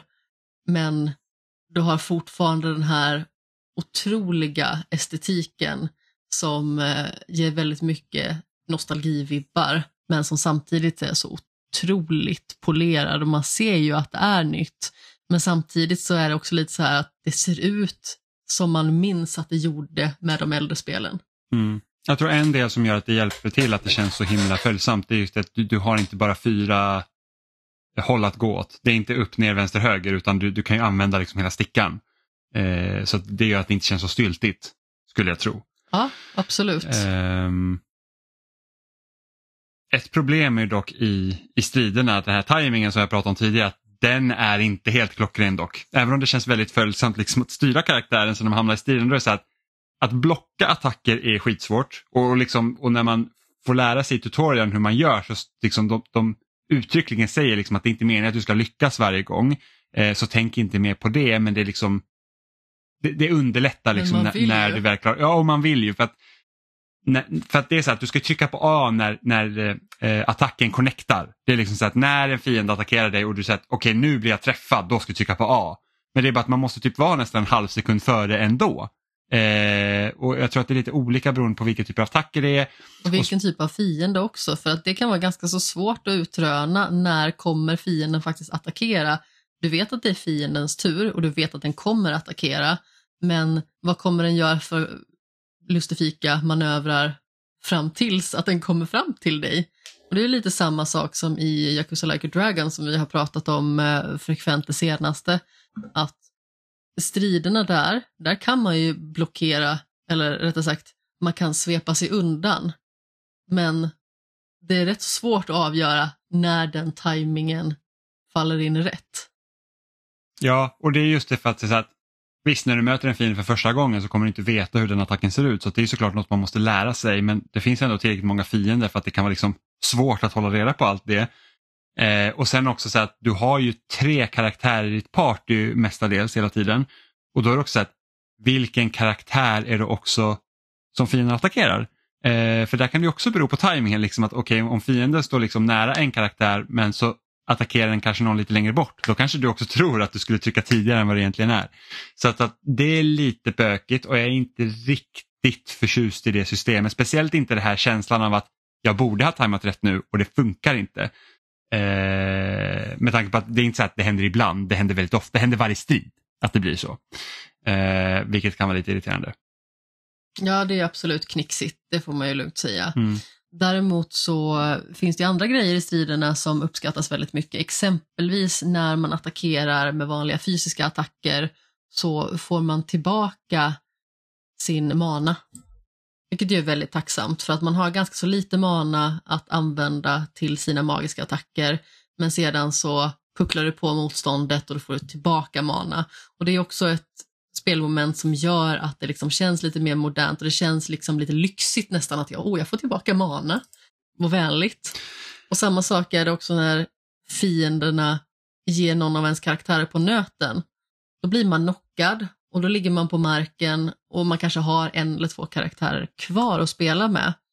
Men efter två eller en rundor då kommer man liksom tillbaka i spel med den karaktären och får tillbaka hälsa. Vilket gör att om man bara lyckas hålla ställningarna så är man liksom fulltaliga sen igen. Ja, och, och det är liksom ett sätt att liksom modernisera striderna. Många andra moderna då spel av den här typen, de brukar ofta vara så att ja, men när du är klar med en strid då får du fullt liv och full mana. Liksom. Det, är också kan ett... man ställa in i det här spelet också. Ja precis, det finns relics tror jag som man kan sätta på som, som är typ som fusk. Eller liksom, det, det underlättar. Eh, så det finns också en relic för att typ så att ja, men 30% av blockeringarna kommer alltid lyckas. Liksom. Eh, oavsett om du trycker rätt eller inte. Så att, att det finns sätt att underlätta och liksom kanske ta bort några av de här liksom skavankerna eh, som man inte vill ha helt enkelt. Eh, jag tror att det jag gillar minst, alltså jag gillar spelet men det jag gillar minst det tror jag det är berättelsen. Eh, The Messenger var ju väldigt så här, haha, vi bryter fjärde väggen och det är liksom så här typ nine gag humor från typ 2013. Känn, liksom, så kändes ju det spelet och Sea of Stars som liksom då tar inspiration från Chrono Trigger känner man så här att okej okay, men jag hade trott att det skulle vara lite mer mognare och kanske lite mörkare berättelse men jag finner den väldigt glättig.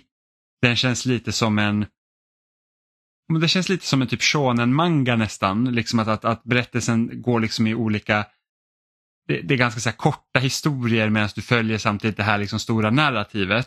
Så det gör att jag heller inte har greppat liksom vad hotet är helt, även om det är The Fleshmancer då, men liksom jag har inte man förstår ju inte vad är det som händer om The Fleshmancer. Oh, the Fleshmancer. Ja men så vad är det som händer när The Fleshmancer tar över? Vad är det som är så farligt? Vad är det vi förlorar på att förlora mot Fleshmancer? Eh, och andra problemet är också det här att karaktärerna har varit inlåsta tio år i, i det här jäkla tornet. Så, så att spelet, liksom, man får ju se när de är barn och sen liksom vad som händer när de faktiskt får börja liksom lära sig av i den här skolan då och sen så, så spolar de fram tio år och sen så är vi liksom ute och så ska vi rädda världen. Men det är så att okej, okay, vi räddar världen för att någon har sagt åt oss att vi ska rädda världen. Det är liksom inte vad, vad är det vi egentligen slåss för? Finns det något orättvis som vi vill försöka stoppa? Alltså, som det ofta kan vara i RPG, det är typ någon ond kung som blir helt bananas.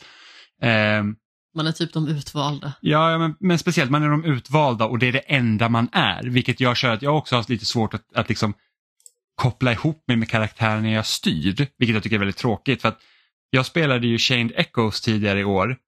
Som också är ett spel som tar inspiration från typ Chrono Trigger och sånt och liksom också är ett, ett 2D RPG-spel Eh, lite i samma liksom stil och det var ju betydligt mörkare och liksom hade verkligen så här att okej okay, men det här är vad som står på spel, det här är dina karaktärers motivationer, eh, det här är liksom de olika sprickorna som finns i partyt. Det finns ju inte här utan det är liksom så att vi är, vi är ett band med hjältar som ska rädda världen, woo. Liksom. Eh, och, och, och, spelet hanterar det lite så också, det, det känns inte riktigt som att det tar sig själv på allvar. Eh, Nästan aldrig. Liksom. Och det tycker jag är lite tråkigt för det blir så att jag, jag känner inte riktigt att jag bryr mig om vad som händer. Det, det är liksom kul att spela men det är inte så att jag bara jag måste få veta vad som händer eller usch nu är det spännande utan det är liksom så att okej okay, men visst vi möter de här piraterna eh, vid den här byn som ska hjälpa oss med den här båten och kaptenen heter Captain Cliché liksom och så låtsas de vara liksom så här superpirater och man var så här, ja men ja okej, okay. Det haha jättekul liksom. Ja, men det blir lite som när sockervadd har stelnat, liksom. det är lite svårt att tugga i sig. Men eh, någonting som jag också tycker är lite tråkigt när det gäller karaktärerna, för de är ju två stycken som är typ de utvalda och man får välja vilken man vill spela som i början och det känns som att det spelar typ ingen roll vem av dem man väljer, mer än att du får styra den karaktären du väljer ute på världskartan i stort sett. Ja, men precis och det, det, det säger spelet när man väljer eh, första gången så att du kan du väljer karaktär, du kan byta när du vill och det har ingen inverkan på storyn. Mm, jag tycker att det är lite synd att det liksom inte finns någonting som är skillnad. Det kanske inte hade behövt göra en stor skillnad på berättelsen men det känns ju liksom som att jag får vidröra karaktärerna i stort sett lika mycket i strider och sådär. Så att bara få lalla runt som en karaktär det säger egentligen inte så jättemycket. Det hade lika gärna kunnat vara en karaktär som var huvudkaraktären. Och jag förstår ju liksom att de fokuserar på hela den här yin och yang-biten. Liksom att eh, du har ljus och mörker, sol och måne och så vidare. Eh, och att det liksom ska vara kontraster till varandra. Men det betyder ju typ ingenting att göra det valet och det tycker jag är lite synd. Ja, sen så kan det hända att det ändrar sig liksom när man börjar komma liksom längre fram men, men jag har typ klarat 40-50% av spelet. Så att det är liksom så att okej okay, men om, om någonting ska hända så ska det behöva hända nu. Liksom. Ja men precis. Så att hade jag liksom fått rekommendera liksom ett spel då så att ja, men jag, jag ska spela ett, jag vill spela ett 2D RPG-spel och jag älskar Chrono Trigger. Ska jag spela Sea of Stars eller ska jag spela Chained Echoes så hade jag ju sagt att spela Chained Echoes för jag tycker att det är ett bättre spel. Hur är okay. sparsystem och sånt i Chained Echoes? Det är typ samma, alltså du kommer jag minns inte om man kunde spara när som helst eller om man kunde liksom bara gå till en sparstation. Ja, det är på sätt och vis lite synd att man inte kan spara när som helst. Jag tycker alla spel borde typ ha så man kan spara när som helst. Och är det så här typ att vi vill inte att du sparar och save-skammar, liksom typ ett, ett vad är det, typ som skräckspel kan ju liksom tjäna på att ha sparstationer men låt mig då spara och sen när man gör en sån här sparning så hamnar man ute till huvudmenyn. Och så kan du börja därifrån nästa gång i så fall. Eh, om du måste ta en paus. Exakt, här måste man ju gå till en magisk bok. Och eh, de här bokstationerna finns ju lite utspridda på banorna och sådär. Där kan man spara. Och sen så finns det ju lägereldar också som är utsatta för att man ska kunna hela sig och man kan laga olika typer av maträtter som då genererar att man återfår hälsa eller man och så vidare. Mm. Så det är saker som känns igen. Men jag tycker mycket om det. Alltså jag tycker att det är otroligt mysigt att spela verkligen. Jag tycker att bara själva grejen att springa runt på banorna känns väldigt tillfredsställande ändå. Mm, ja men så är det Alltså det känns ju bra att spela. Ja och sen så som sagt, precis som jag sa tidigare, så är det ju lite pussel inkorporerat i hur man rör sig i miljöerna. Men det är ingenting som tar över upplevelsen. Det är inte precis som man sitter där och kliar sig i huvudet och bara, fan ska jag och vad ska jag göra och vem är jag ens? Nej, precis. Så jag tycker det känns som en väldigt gedigen upplevelse än så länge. Det kommer komma skriftliga recensioner både på Goodbye Volcano High och Sea of Stars från undertecknad. Så håll ögonen öppna på loading.se om man gillar att läsa. Okej, okay, några slutgiltiga tankar eller känner ni er nöjda? Nej, så det... Vi återkommer nog nästa vecka med lite mer slutgiltiga eh, intryck sådär. Ja. Jag känner att jag borde spela Chrono Trigger någon gång. Jag äger DS-versionen på att det inte blivit av. Jag köpte ju DS-versionen nu i somras. Oh. Eh, på Tradera. Jag var såhär, fan jag är sugen på Chrono Trigger. Sen så, det ska ju vara den bästa versionen. Så. Problemet är att jag inte vill spela eh, DS eller 3DS för skärmarna suger. det bekommer inte mig så mycket. Jag, jag hade ett sånt här flashkort till DS så jag har ju haft det liksom nedladdat. Aha. Men jag har haft så många sparfiler som har försvunnit på grund av den för att det är något som händer. typ ja, men Batteriet eh, dör precis när den håller på att spara, då är det kört. Mm. Jag typ körde de tre första templen i Link to the Past typ fem gånger på rad. Och det lyckades alltid bli korrupt tills jag gav upp. Liksom. Det var så bara nej, nu får det fan vara. Link to the Past, spelar du det på 3DS? DS. Jaha. Ja, man kunde lägga in SNES-emulator på flashkortet. Då förstår jag. Jag trodde att du Mm. skulle säga Link Between Worlds först. Ja, nej, det har jag inte spelat. Har du inte spelat? Det är fan asbra. Det, Nej, jag har inte spelat Link Between Worlds. det är så bra. Ja, det är. Jag trodde inte jag skulle gilla det för att jag... Eh, 3D-Zelda är my jam. Jag, eh, Musiken i Between Worlds är så bra. ja. Ja. Nej, men Men Link, som sagt, jag säger så här. 3D-Zelda är, alla 3D-Zelda är bättre än eh, 2D-Zelda. Håll i hatten nu, Kerstin. Ja, jag, jag håller nog med. Eh, Jag, jag för- föredrar absolut 3D-Zelda framför 2D-Zelda. Och nu har jag spelat ja, mainline-spelen då. Nu har jag ju spelat alla mainline-spel eh, i 3D. Jag har inte spelat alla 2D-spel. Jag har inte spelat vilken Or- Oracle of Ages och Seasons och jag har inte spelat Minish Cap till exempel. Mm. Men, eh, men jag föredrar absolut 3D-spelen framför 2D-spelen. Jag med. Och ändå så är Link Between Worlds så jävla bra. Jag tror jag har klarat det typ fem gånger eller någonting. Det, åh, jag älskar det. Och jag brukar inte tycka om de spelen. Jag, jag har inte spelat ut något annat 2D Zelda, men det jag spelade igenom för att det var så bra. Ja. Men hur kommer det sig att du skaffade det spelet om du inte gillar 2D-Zelda? S- Hype? Ja, okej. Folk sa det Vi var nämnde bra. det Jag bara, innan. okej. Svag. Ja, svagt Adam! Grupptryck funkar okej. ja, på dig i alla fall. Ja, men det funkar ju ibland på mig också. Adam, jag funderar på att eh, skaffa Onlyfans. Du ska inte haka på. Åh, jo! Kom igen Ge nu mig, Adam, så lätta fort du har pengar. satt upp den så blir jag, jag ska bli din första prenumerant. Ja, det är bra. Jag har ditt stöd. Premium. Premium, ja, precis. okej, ja. Ha Kan så boka in 30 minuters chatttid med mig en gång i veckan. I, I pay top dollar. Okej, men då återvänder vi till eh, Adam här nu då. Så att eh, du har spelat Baldur's Gate 3 som, menar, alltså ut, ut- utan tvekan kommer pratas om mot slutet av året av många. Eh, när det Mhm. gäller liksom att summera spelåret och, och naila liksom sina Game of the Years. För att det här spelet är någonting väldigt speciellt eh, om man frågar typ alla som har spelat det förutom min chef som hatar det. Ehm, Jag respekterar inte din chef längre. Han säger att det är bara massa thirst traps. Stämmer det?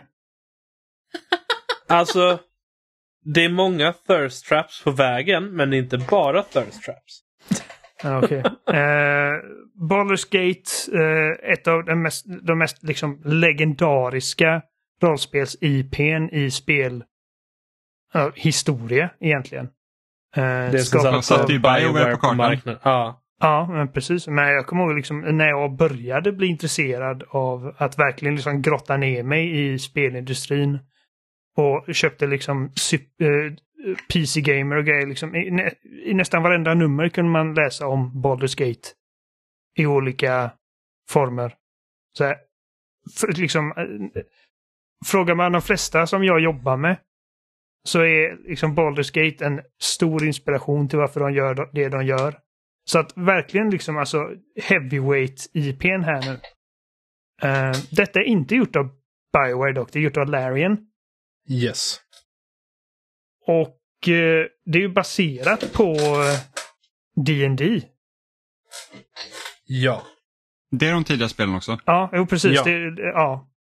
Exakt. Um, Eh. de ti- tidigare spelen är baserade på Dungeons and Dragons um, Advanced och uh, satt i Forgotten Realms-världen. Och uh, ja, trean uh, fortsätter samma tradition fast det är en variation av 50 edition-reglerna som de använder istället. Så det är inte ehm, lika knöligt att komma in i som kanske de gamla spelen var. Nej, så, när det släpptes så var du ju hemma hos mig så att jag, jag såg ju lite grann av det när du spelade på din laptop.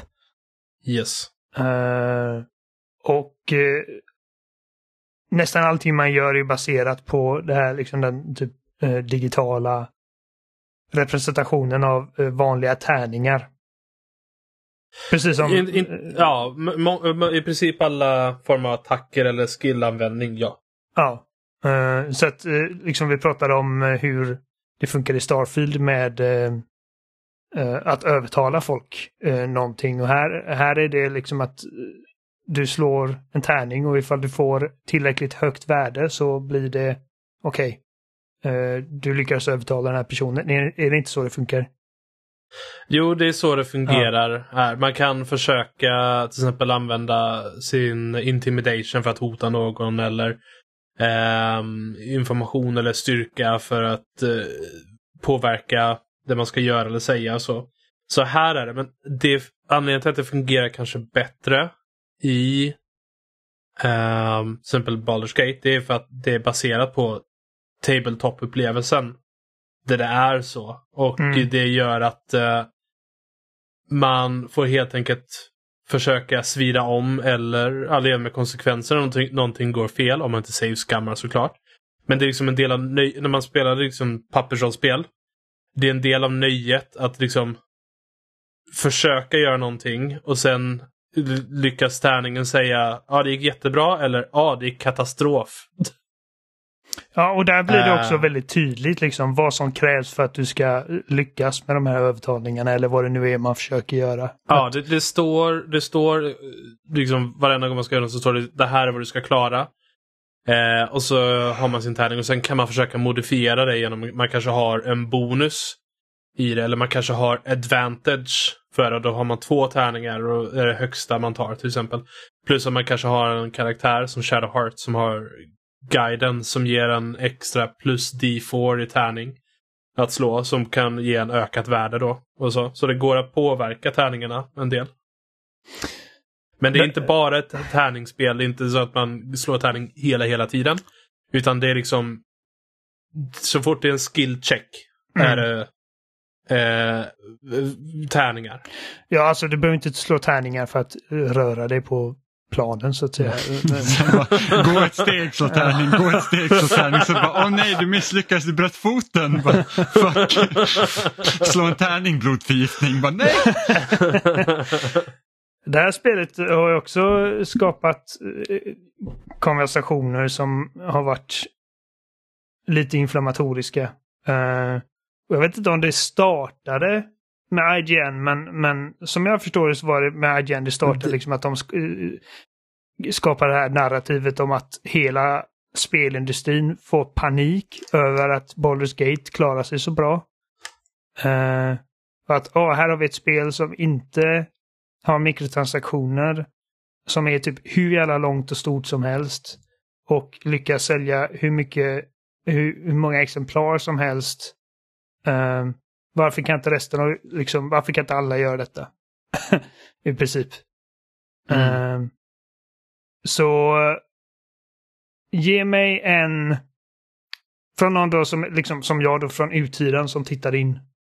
Som inte kan någonting annat än bara de grundläggande liksom, premisserna med D&D och som inte har spelat Baldur's Gate utan bara liksom är medveten om att det är en oerhört influensrik serie. Mm. Uh, ge mig en bild av på vilket sätt är detta så massivt och så imponerande och uh, liksom en sån, ska man säga, revolution för liksom industrin. Att den, det här narrativet har startats. Alltså, det, här... alltså bara det konstigaste med liksom det narrativet var ju det att ignorera helt faktumet att spelet har varit i early access i tre år. Ja, alltså det är en blandning av mishmash som har blivit ett sånt narrativ. Uh, först så är det en del av att många är trötta på hur industrin fungerar just nu. Och jag kan delvis hålla med om att det är, det är inte alltid hitters som kommer ut. Um, på det sättet. Och det är ganska mycket exploitation av spelpubliken och många är trötta på det. Men sen så var det också det här med att en person som försökte säga ja, hur det här spelet har släppts är inte helt möjligt för alla. För att early access är inte möjligt för alla. För det var ju flera år i early access. Jag, hade, jag fick det när det kom på early access och spelat prologen, eller ja, delar av första kapitlet. Ja, i typ tre år. hur länge det nu var i Early Access. Um, där de hade haft kommunikation med spelarna och allting sånt och utvecklat det. Det är inte riktigt så det fungerar i den tra mer traditionella AAA-industrin. Plus att det är en självständig studio och inte uh, publicly traded och så. Uh, sen tror jag inte att så skulle man ens vilja ha alltså varenda storspel i Early Access. Nej, däremot kan man vi säga till viss del att många storspelen är släppta i Early Access på att de inte kallas det. De, bara, de släpps och så fixas de senare. Så, så, eh. så, kan man ju säga, men jag tror att hade risken varit att det hade varit så att ah, men nu släpper vi Early Access, köp in dig så kommer vi fixa det och sen så oj det mm. blev ingen hit det, så skiter vi. Nej, det hade missbrukats ganska rejält. För att det skulle man kunna ta som till exempel säga att Anthem. Baldur's Gate Ja men som Anthem uh. till exempel så bara, ja, men här får du första akten och sen så bara, oj det gick inte så bra, är det är allt.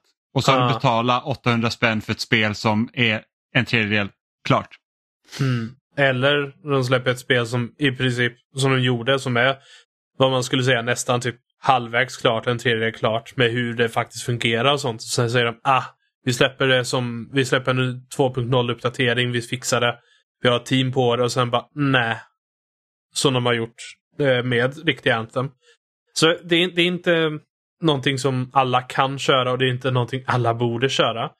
Men det är någonting som verkligen fungerade bra för Baldur's Gate 3 i det här fallet. Men det som är det viktigaste att ta med från Baldur's Gate 3 är att det var ett spel som släpptes hyfsat komplett. Det var... Det släpptes en månad tidigare på PC och det märks. Ni kommer ha en betydligt bättre upplevelse vad gäller tekniska saker än vad jag hade. För jag hade en del buggar, speciellt mot slutet. Eh, då var det en del små tekniska buggar. Jag hade inga krascher eller något sånt, men det är små saker som Ja, ah, den här karaktären vägrar prata med mig för att han går runt och är död. Ooh, spooky! uh, och, och sådana saker. Uh, eller, ah, jag fick välja mellan två olika personer att bli chef för en faction. Men nu är båda två chefer för faction och lovat att hjälpa mig ändå. Ah, ja, jag klagar inte. Liksom sådana saker.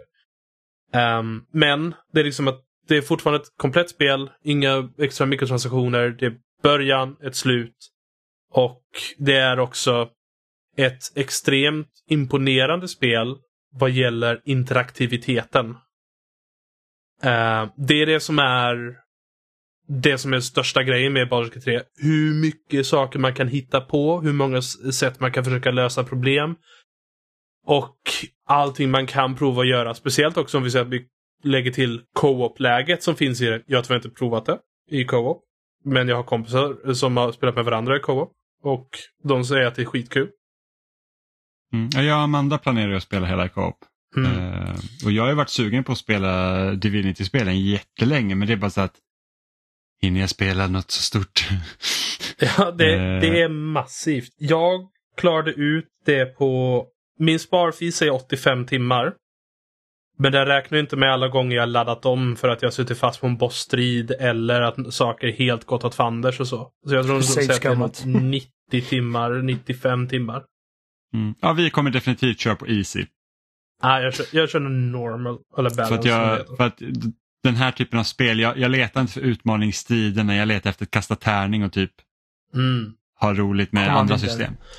Ja, jag, ja, jag, för den som tycker om sådana typer av strider och så, det är extremt roligt. Speciellt när man har en varied party med abilities så de är lite levlade och så. Och man kan liksom, åh gud, jag kan använda min mage, använda dimension door teleportera mig och min warrior till andra sidan slagfältet. Och så kan min warrior kasta en eldboll där. Som, för att han är en half så han har den cantripen. Och så kan, liksom, det är liksom det här alla de här abilitiesarna man kan göra för att lösa de här små typ combat-pusslerna. Jag har besegrat bossar som har varit mycket högre level än mig.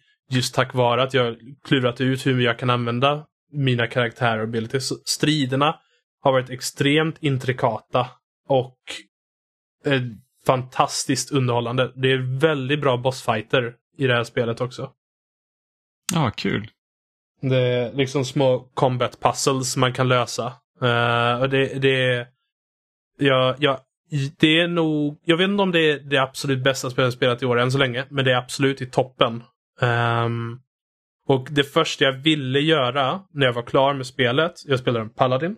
För att jag är um, själv god jäkel, så jag måste såklart spela en Paladin första gången. Så det, det första jag ville var att oh, jag kan spela en karaktär i den här bilden. Åh, oh, jag kan spela en monk och då kan jag spela skiten och alla. Jag ville starta ett nytt game och det hade jag gjort om jag hade haft tiden. Ja. Um, Ja, så, så jag, så, eh, det är ett fantastiskt spel. Och Oliver, om det är på rea någon gång, ska jag tvinga dig att spela det, ska vi spela det i co-op. Du kan inte säga nej. Alltså, det, jo, det kan jag verkligen. Och, och det, som, eh, det som verkligen talar emot för att jag någonsin skulle sätta mig med den här typen av spel är att liksom, jag kan ta upp en screenshot och bli verkligen liksom överfallen av UI-element. Liksom så här 40-50 olika ikoner bara på, eh, liksom på skärmen att hålla reda på. Nej. Eh, liksom, eh, det är samma med typ någonting som gjort liksom att jag aldrig har ens brytt mig om att komma in i World of Warcraft. För att du har liksom en lång jävla länga full med massa små mini-ikoner för olika abilities och grejer. Jag bara, jag, jag, jag har inte den liksom upp, uppmärksamhetsförmåga att hålla det, koll på det är all den här skiten. turbaserat. Du håller en ma- musmarkören över så är det en tooltip som berättar vad det är för något. Du kan spendera 45 minuter och läsa. Det är inga problem. Men, men då blir jag uttråkad också. Liksom, alltså, så här, jag och turbaserat går bara, det går inte ihop. Det, det, det, det är därför jag inte har jag ska konvertera dig. Yakuza Like a Dragon. För att, eller jag spelade typ jag vet inte, åtta timmar eller någonting. Men det var liksom bara, jag vill ha en beat em up. liksom. Ehm, men jag, Men det är en bit med Oliver, det är bara att de, tar, de tar, slår i turordning. Ja. Ja, jo. Det är synd för att alltså, Yakuza Like a Dragon verkligen toppen. Jag, jag, jag ska spela det när jag har tiden. Ehm, det är amazing. Ishiban verkar fantastisk karaktär. Ehm, Har du spelat några andra Yakuza-spel än av dem? Jag började spela Yakuza Zero. Och jag hade världens roligaste grej när jag stormade Yakuza Headquartern i början av spelet. Eh, sen råkade jag ehm, pausa det och då Mm. glömde, jag fortsätta med det. Så jag började spela Zero.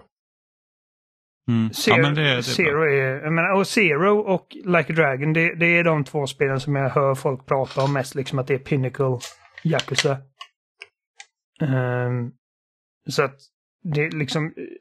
Mitt val att inte fortsätta spela det är inte en reflektion över vad jag tycker liksom att det spelet har kvalitetsmässigt. Det är bara att jag har...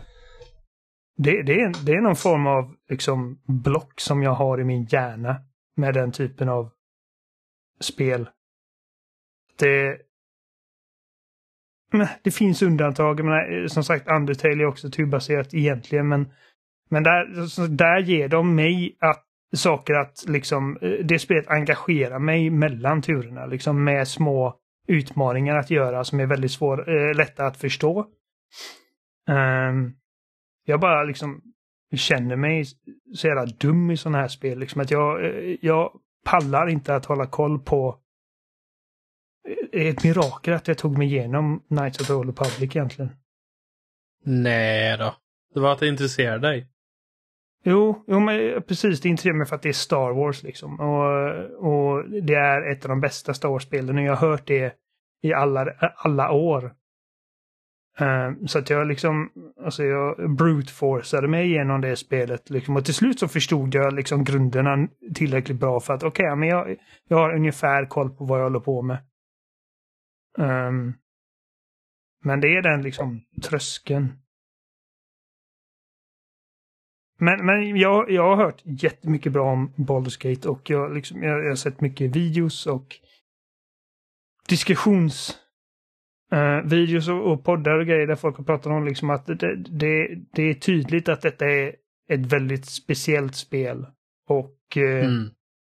nu när Starfield eh, har släppt så är det liksom många också som, som bara inte, inte kan hjälpa liksom att göra annat än att jämföra de här två. Ehm, så att... eh, och i många av de konversationerna så är det Baldur's Gate som kommer ut på topp liksom. Det enda Baldur's Alltså- Gate saknar är rymdskepp. Precis. Jag tycker det är så synd att det inte släpptes på PS5 samtidigt som till PC för att det hade kommit perfekt. Mm. Ja, då hade du haft en chans spela att det. ta dig igenom det liksom innan Starfield. Och... Då hade jag förvisso inte spelat Pentiment men det- ja. Men Mm. Jimmy är så himla rolig också för att när han pratade om att han började bli sugen på att spela Baldur's Gate 3 så var det så här, ah, jag vet inte. Jag vill ju inte spela det på PC och sen när det kommer till Playstation 5, ja då är det mitt i smeten. Jag kommer inte hinna med. Vi får helt enkelt spela det till jul. så han har planerat upp min jul. Ja, ja, men om du inte spelar det med jul så spelar det själv. Det är klart att jag kommer spela det med dig. Jag bara tyckte det var så himla roligt att du liksom hoppade direkt till julen, inte så här, ja men någonstans när de här spelen är förbi, då kan vi spela. Ja, alltså, det finns vinter. ingenting förbi förrän i jul. Jo, Avatar från Tears of Pandora släpps i december. Ja, men jag tror inte att det är typ 90, ja, i och för sig det är Ubisoft, men fan vet. det, vill jag inte spela. det- Däremot vill jag ju spela Steam World Far Build. Ja, men det kan du spela. Det blir, det blir ingen lur sen när vi spelar Baldur's Gate 3. Då är det liksom, det är det enda som gäller tills det är klart. Ja, men då får du pinna på. det blir ingen... Nu får du inte sova i middag längre, Amanda. Nej, vi håller fortfarande på med, Bal- eller med Diablo 4 för att vi kan inte spela det mer än typ någon timme i sträck. Vårt äktenskap är i fara. Ja, jag känner det. Det är Baldur's Gate 3 som gäller. Min lur! Det här året har varit tungt med sådana här liksom legendariska Mm. studios och Fast- IPn i rollspels... Fast i och för sig, Diablo kanske inte är ett rollspel. Jag tycker det Eh, är, Action RPG. alltså det har ju kommit väldigt mycket spel i år som har Ja. varit bra. Och många säger så här, ah, det här året har varit typ bäst hittills sedan typ 2008. Ja, Men liksom så här. Och jag är så här, och jag, jag är ändå så här, jag bara så här, ja det har kommit bra spel men jag känner inte att jag har liksom blivit wowad av det som har släppts i år som är nytt. Jag blev wowad av Alltså- Tears of the Kingdom. Ja, alltså det som Det är jag för blir... likt Breath of the Wild för att jag Ja. ska känna så här bara, åh. jo, det, det, Alltså- det är ju det enda som talar emot det dock. Te- Ja. Tears of the Kingdom är mera oho än wow för mig. Ja, Eh, och jag tror att det- om Tears of the Kingdom inte liksom hamnar på min så här Game of the Year-lista i slutet av året så är det helt enkelt för att jag har spelat Breath of the Wild. Liksom. ja. Alltså det, de två spel som har varit bäst för mig det är Jedi Survivor och Baldur's Gate 3 än så länge. Mm. Jag tycker att det Eh, roligaste är att det har kommit ganska så stora, tunga titlar i väldigt anrika serier. Men det spelet som har sopat banan med motståndet för min egen del, det är ju The Last Spell. Som är liksom ett litet indiespel från en fransk studio. Ja. Apropå rollspel, fast Mm. faktiskt otroligt spel verkligen. Jag har pratat om det massa gånger i podden tidigare så jag ska inte eh, tjata hål i huvudet på folk.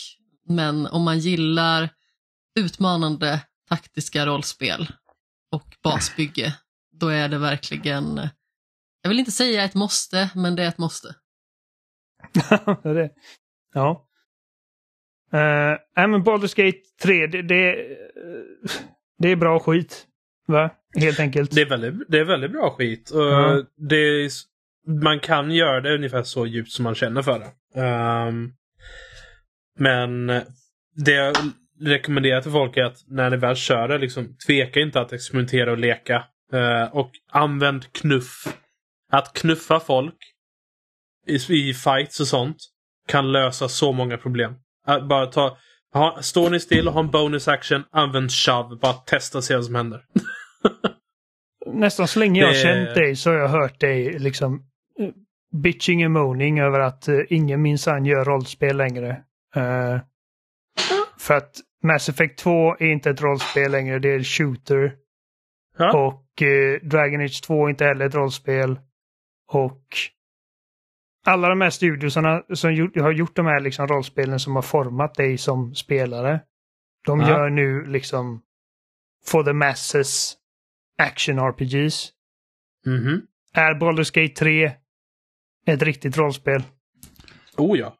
Jag menar, riktigt alltså rollspel. riktigt, jag menar liksom, äh, fyll, Alltså- fyllde det alla de här liksom boxarna som du Ja, har beklagat ja dig det, över? det, det, fyll, det fyller mina boxar för att motsvara ett mer klassiskt CRPG eller äldre typ av rollspel som var när jag var liten eller yngre.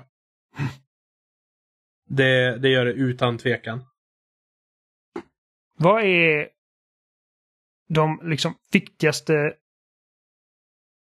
distinktionerna du gör mellan liksom den här typen av liksom eh, traditionellt riktigt roll, liksom verkligen det här är vad rollspelsgenren handlar om och någonting som liksom, jag menar, Mass Effect 2 eller liksom någon av de här som är lite mer strömlinjeformade. Vad är det, vad är det de har tappat? Som Baldur's Gate har. Um, mm, abstraktioner och mekaniska val skulle jag vilja säga.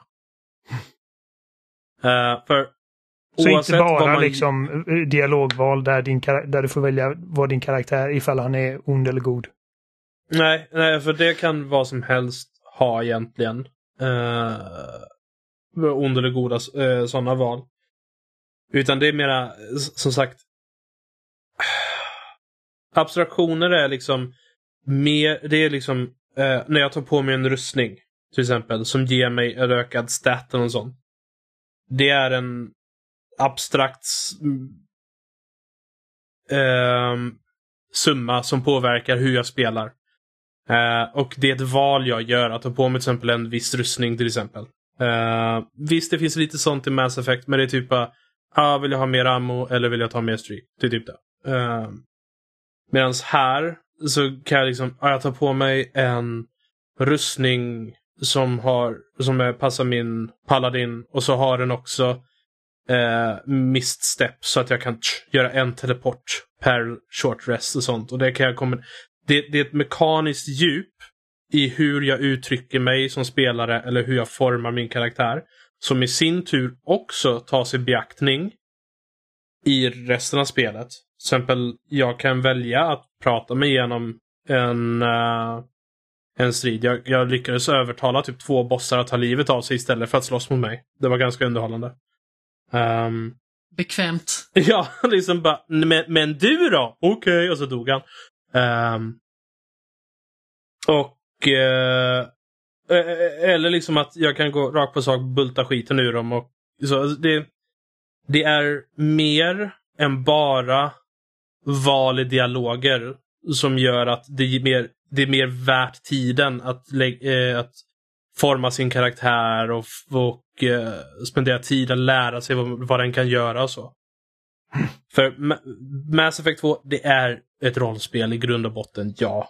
Eh, om man ska liksom summera det. Men det, nästan all Mass Effect spelas på samma sätt. I princip. Mm. Medan Baldur's Gate kan spelas på så många olika sätt som jag inte ens föreställt mig. Och det finns så många olika strats och sånt. Som jag liksom, åh gud, det här har jag aldrig ens tänkt på att man kan göra.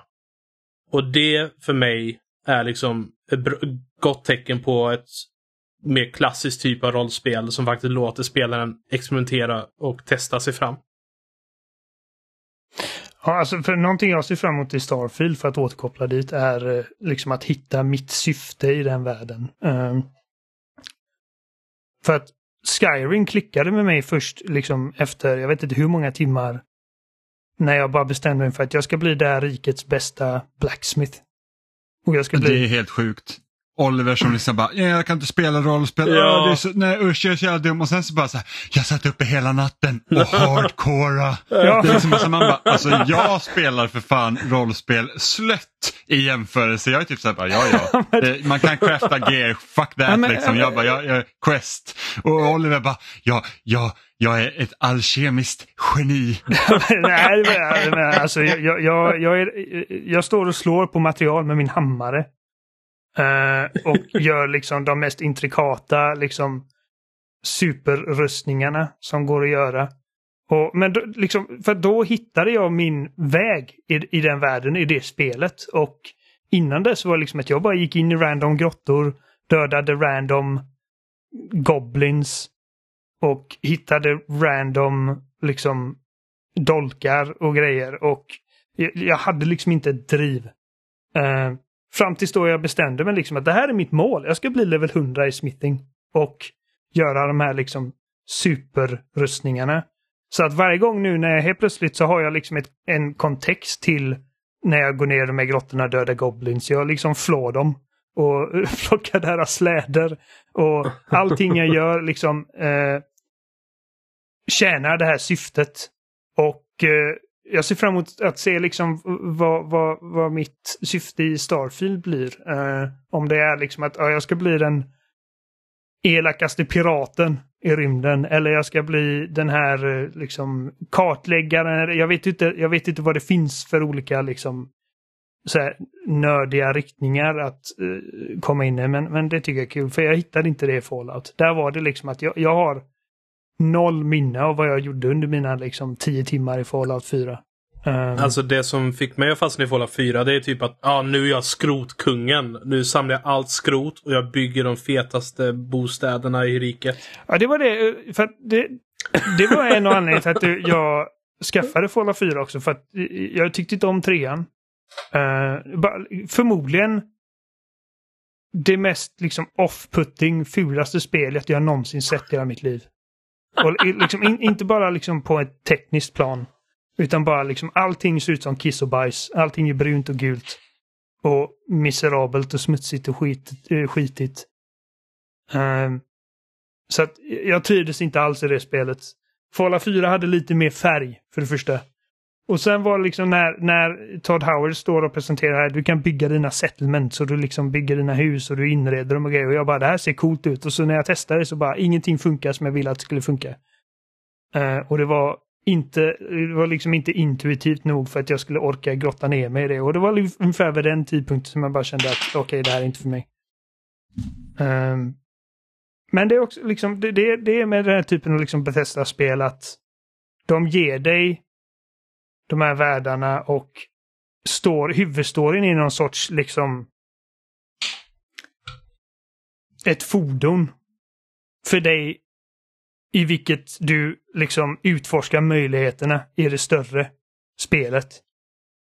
Um, och jag antar liksom att ifall man frågar fem olika människor vad deras upplevelse, hur deras upplevelse såg ut i Baldur's Gate 3 så, så känns det som att det är ett sånt spel att liksom du får fem olika svar. Mm. Så Ja, men det, eh, det ska jag säga. Stor, det, det är lite mer... Det finns ju tre akter i spelet och det är en story som leder en framåt. Man liksom har ett... Varje akt har i princip ett mål man kan visualisera i princip. Ehm, sen är det liksom vägen man tar dit och hur man löser de questen och de valen man gör på vägen dit. Som är liksom köttet, eh, så att säga.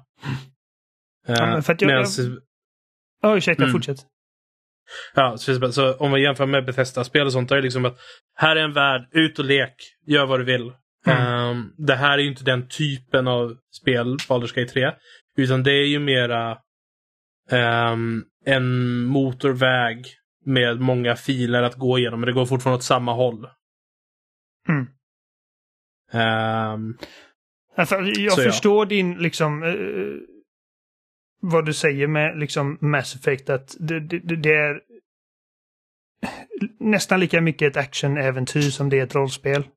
Ehm, mm, och för mig, jag har alltid sett Mass Effect som, som en rollspelserie och jag tror att Mass Effect var nog liksom det första rollspelet jag faktiskt kom in i.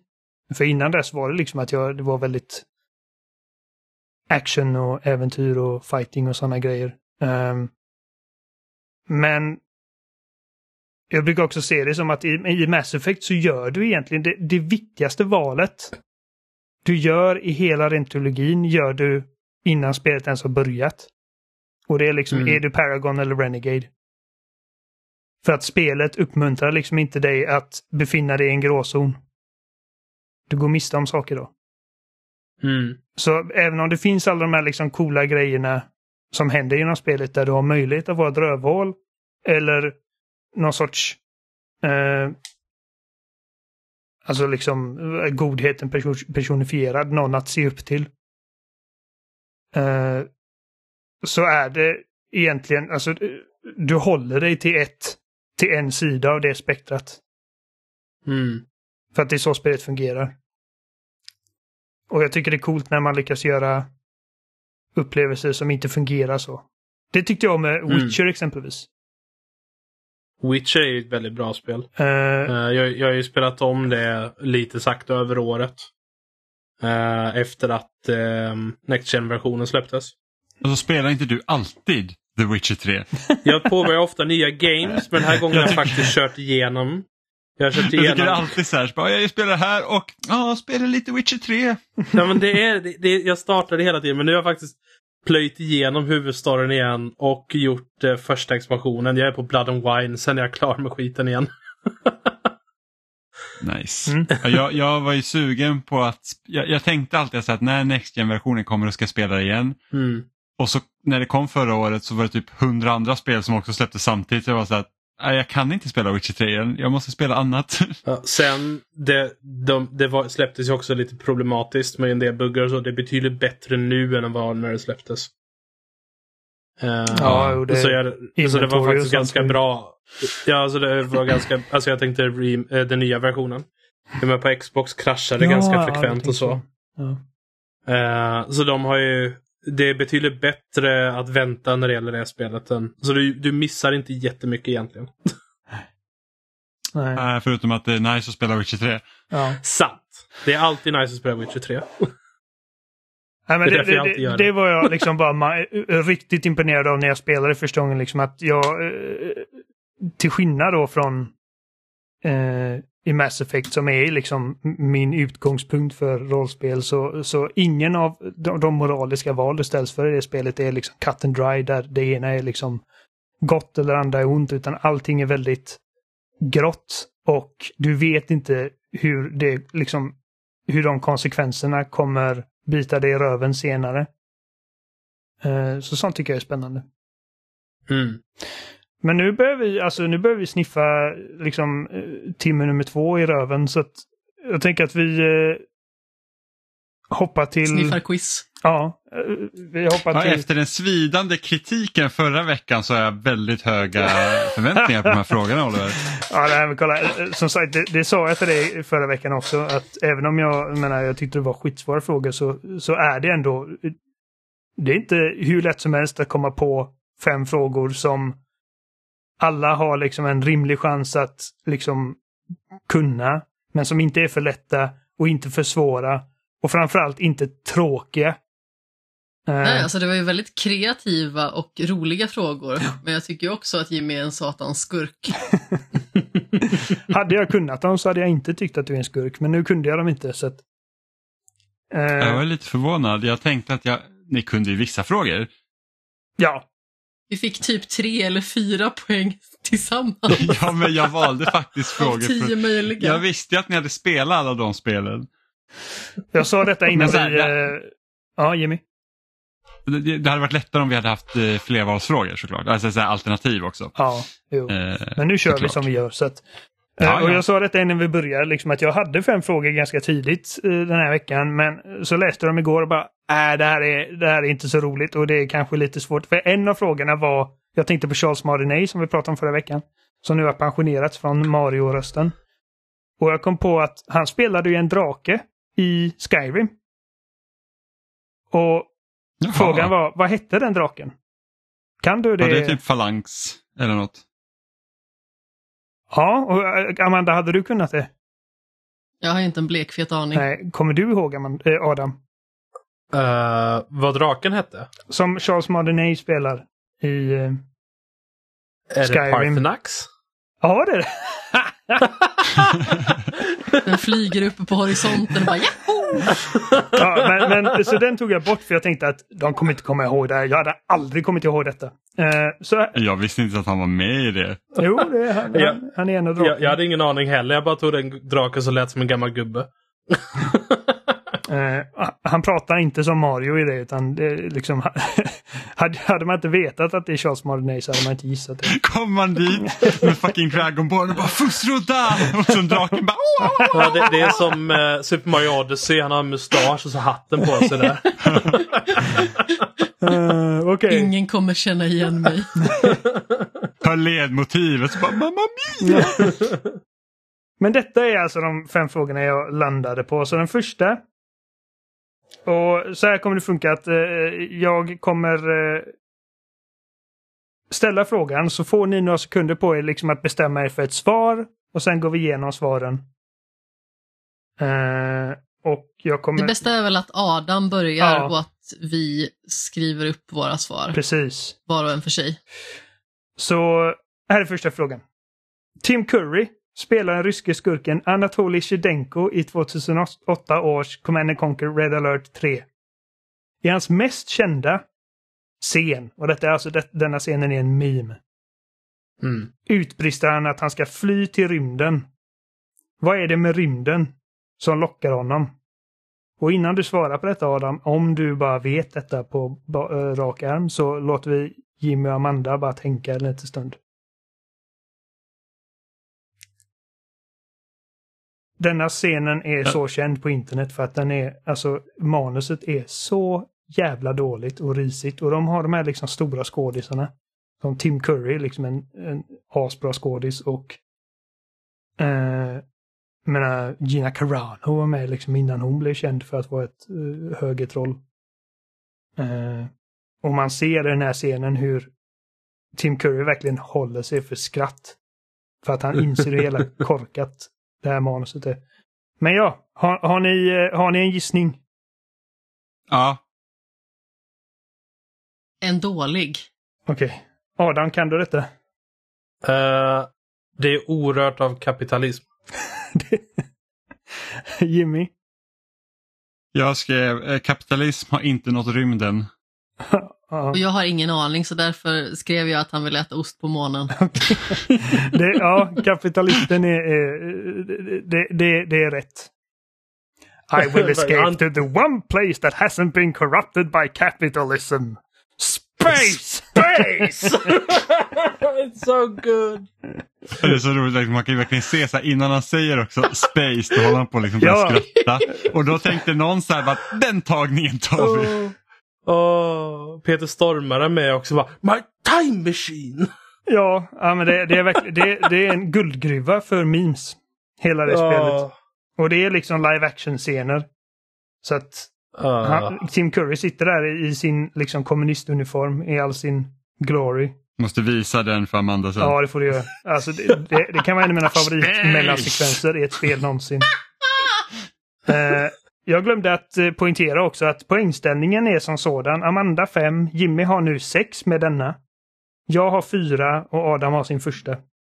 Jag tycker att jag får pluspoäng eftersom jag ligger efter. Ja, nej. Där, Nej, du svarar fel på, du svarar fel på förra veckans quiz, så där finns inget.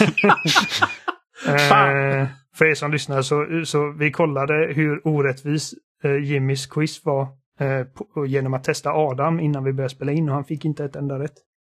Men det var massa Nintendo, okej? Fråga nummer två. på tal om skurkar. Skurken i Conquers Bad Fur Day kallas Panther King. Vad är story-anledningen i det här spelet till att han så desperat vill få tag i Conquer?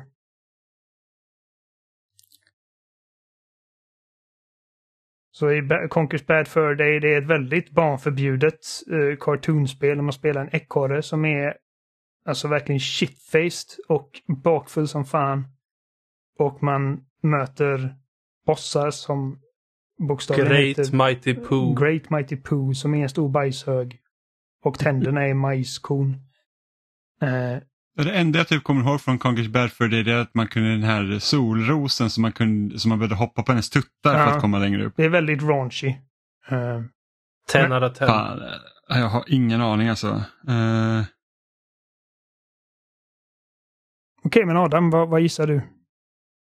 Ersätt ett bordsben så hans mjölk inte välter ut. Det är tillräckligt specifikt att jag bara säger med en gång att det är rätt. So Jimmy. Jag tänkte också så här, det är tillräckligt specifikt för att man inte ska kunna komma på det. Jag, jag spelade faktiskt eh, om början av det på i- för tidigare i år. Vad, vad, vad är era gissningar? Jag, ska, jag, jag skrev bara att Conquer förstörde hans ägodel. Okej. Amanda. Och jag hade ingen aning. Jag satt och försökte värpa fram ett svar men det kom liksom Mm, inget nu saknar man mina frågor från förra veckan.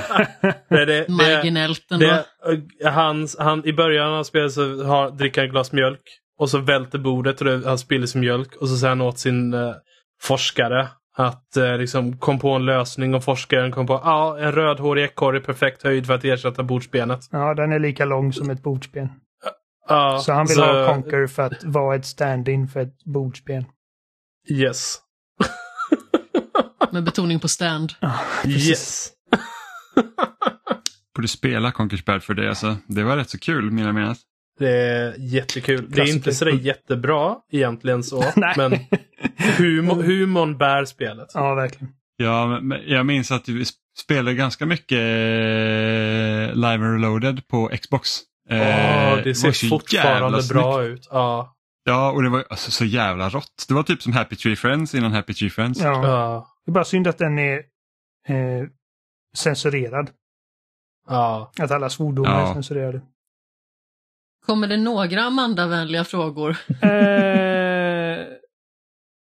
Ja, men jag, jag, jag vet for a fact att eh, du har spelat de här kommande grejerna. Sen om du minns de här, just Okej. här, men...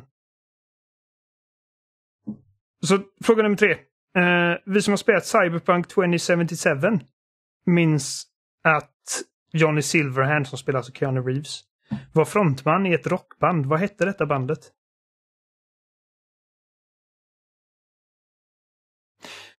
Medan ni tänker på det så, fun fact, eh, det här bandet porträtterades av eh, Umeågruppen Refused. Eh, och det är väldigt knepigt att se de här scenerna när Keanu Reeves står och spelar i det här bandet på en klubb och man hör Dennis Lyxzéns verkligen inte röst. hans röst. Nej, Dennis Lyxzén och Keanu låter inte riktigt likadana. Eh, I am a brain ghost. Bara för att jag misstänker att Adam kan detta så tänker jag gå till Jimmy först. Jag kommer inte ens ihåg så jag skrev bara Death Squad. Okej. Vilket inte är rätt. Alltså, jag minns kanske, som sagt jag gick ju liksom till det riktiga bandet först i mitt huvud. Mm. Sådär. För att jag har en av låtarna i liksom en spellista någonstans. Ja. För att den är rätt röjig och svängig och sådär. Är det jag som ska svara? ja, svarar du. Alltså jag tror att de kan ha hetat Samurai. Adam. Samurai. Det är Samurai. Det var fan Samurai. Oh, jag, alltså jag kommer inte alls ihåg. Jag bara så fan vad det Och jag tror till och med att jag rockade den där jävla fanjackan också av Samurai typ genom hela spelet. Ja, men det här tänker jag att den här frågan är nog inte jättesvår för att Samurai var väldigt hårt i marknadsföringen. Ehm, Jo, men jag har typ inte tänkt på Cyberpunk så jag typ klarar Nej. ut det. Åh, jag är så hype på expansionen. Men enda anledningen till att jag har kommit ihåg det någorlunda, det är ju på grund av att jag har den låten i en spellista. Så jag var bara tvungen att så här, tänka jäkligt hårt så att det nästan liksom började knaka i benen. Ja, det, enda, det enda jag liksom kunde tänka på det var när Keanu Reeves kom med typ reveal-trailern. Eh, och så bara We got a city to burn. Fråga nummer fyra. Alice är en av få karaktärer i Last of Us 2 som faktiskt kan lägga sig om nätterna med ett hyfsat rent samvete. Vem är Alice?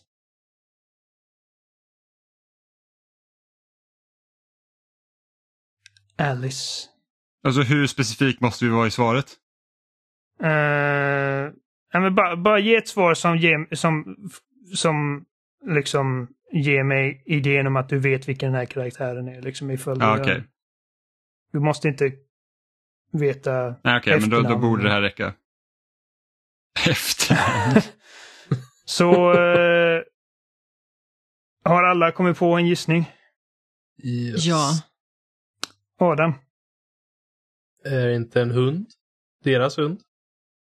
Jimmy, Jag svarar också en hund på, Ja. från det stället eh, Abby kommer ifrån. Jag skrev Abbys ex-pojkväns hund. Ja det är hunden som Ellie Jag kommer inte ihåg vad han hette.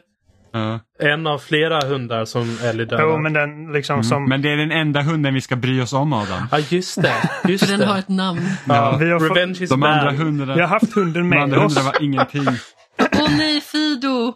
Men när, man, Ropar någon helt plötsligt. när Ellie dödar hunden så bryr man sig inte nödvändigtvis. Det är ju först sen när man får spela Abby och man får ha hunden med sig i eh, gameplay.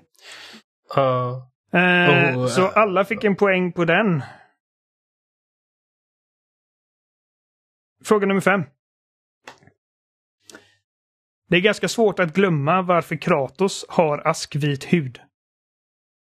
För att det är hans familjs aska som är för evigt liksom magiskt fast klistrat på hans hud som en evig påminnelse om hans heinous deeds.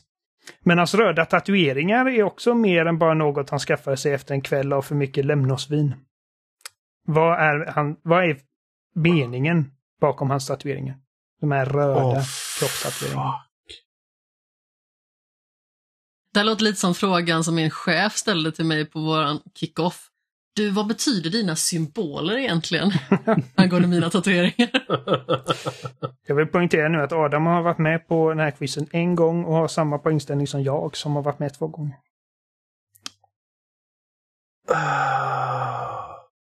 Det här minns inte jag helt och hållet. Ge mig någon sekund till. Kan inte ni bara blaja i bakgrunden om någonting kul? Medan hon jag- googlar. Nej, Amanda fuskar! jag visar Jimmy min skärm just nu. Aha, sök. Mm. Amanda bara, ChatGPT, skriv också en novell om Kratos tatueringar. Ja, precis. Nej, jag sitter faktiskt uppe med det första bästa jag kunde hitta att skriva på, vilket var ett meddelande från UPS. Ja. Ja, nej, så att jag menar, tillsammans, jag menar, hans röda tatueringar är ju den, en, en av de mest distinkta, liksom iögonfallande eh, featuresen med Kratos karaktärsdesign. Eh, och innan de landade på den slutgiltiga designen som hamnade i God of War 1 så var de blåa. Men Mm. jag antar att rö- rött såg lite mer barbariskt ut, antar jag.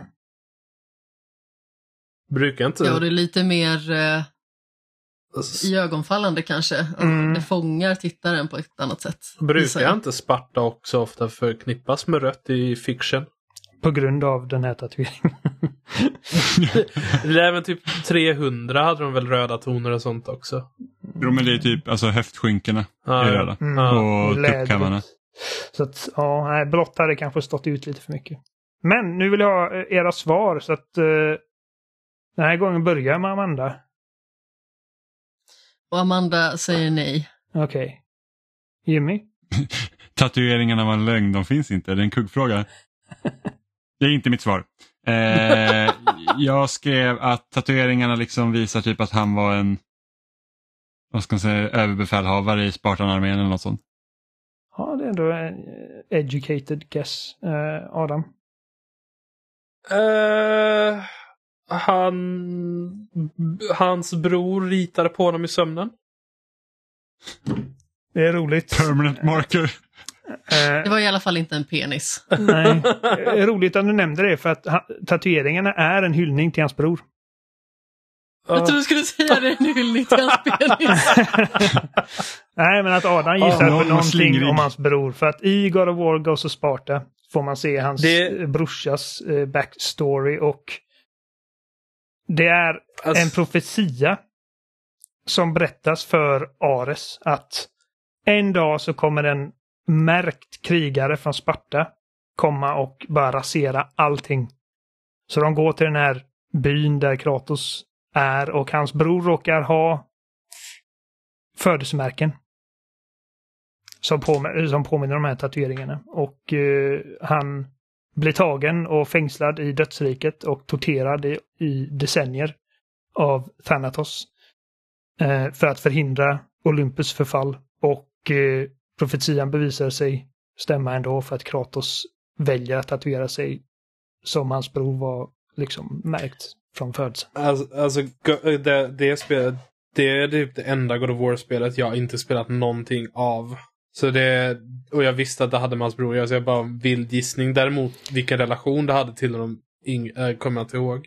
Jag gillar ändå Jimmys gissning för att den var liksom, du tänkte lite på, okej, logiskt sett, vad, vad skulle det kunna vara? Jag vet att han är en spartas, spartansk general. Mm. Eh, Ja, men jag tänkte det. Jag har inte heller spelat PSP-spelen så att, Det enda jag satt och funderade på det är ju att det har spekulerats mycket i liksom att ormen typ hade, vad var det, samma typ av eh, tecken på sig eller någonting sånt. Jag försökte liksom ver- värpa fram någonting i den stilen men jag kommer verkligen inte på Mm. någonting. Jag är för okreativ på den punkten. Ni hörde ju mitt svar på första frågan. Nej, men jag tycker ändå att ni, ni alla, Adam 4 av 5 är inte illa alls. Eh, Amanda och Jimmy, ni fick två var så att ni ligger nu på 7 och 7. Och Adam på 4 och Oliver på 4. Jag, jag kan säga om ni vill få mig att faila totalt. Ge mig japanska frågor, då är jag kört. Ja, ja men jag kan Då inte kommer skriva jag ingenstans. heller. På japanska. Som när, vi, som, eh, när ni var på Retoresa Meetup och så hade vi, det var Jeopardy-quiz en dag. Eh, och då var en av kategorierna Weeb shit. Skitshit. ja, det hade jag också Det failat var väldigt på. komiskt också för att eh, en av frågorna rörde Yakuza.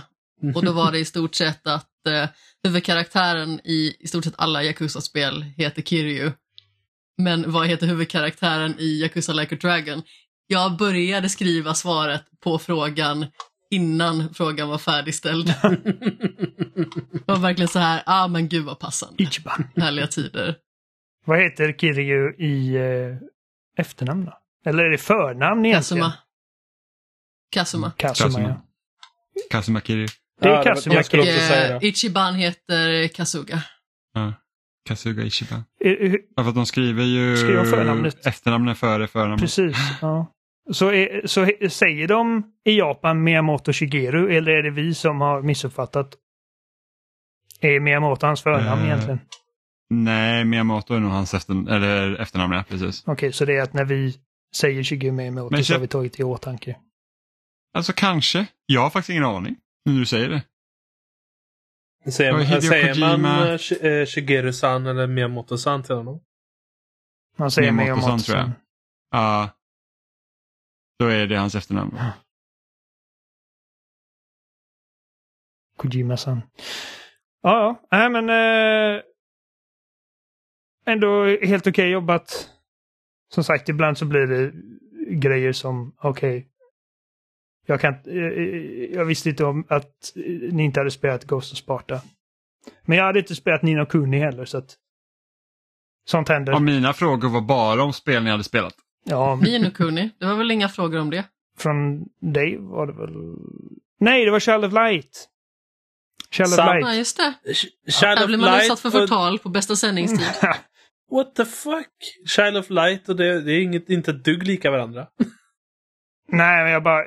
Vi, jag, kom jag blandade ihop dem för att Amanda Vi pratade pratade om nyligen Nino om Kuni. Nino Aha. Kuni, så det förmodligen det. Eh, Jag bara, va, hur i hela friden är man ihop det? Två spel som... Oliver bara, det är tecknat!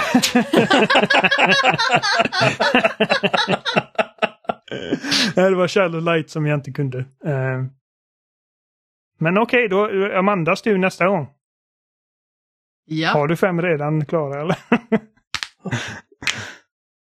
knäckte knogarna, Mm, vill jag bara säga. Okej. Nej, jag har inte fem klara. Däremot så efter eh, föregående, där du hade Oliver, då dröjde det ju typ bara en halvtimme innan jag hade mina fem frågor för att jag var så exalterad Ja. över att det var så kul. Ja, men jag, jag, jag, jag tycker eh, det här är kul. Det här är kul sätt att avsluta på. Och så kan liksom Ja, lyssnarna sitta och vara med också. Fast de får hålla sin egen räkning. eh, Okej, men alltså två timmar 20 minuter det är en bra eh, eh, mastig längd på ett spelsnackavsnitt. Så jag tycker att vi avrundar här. Och, eh, jag vill säga tack Adam för att du kommit och eh, berättat om eh, Baldur's Gate och Starfield.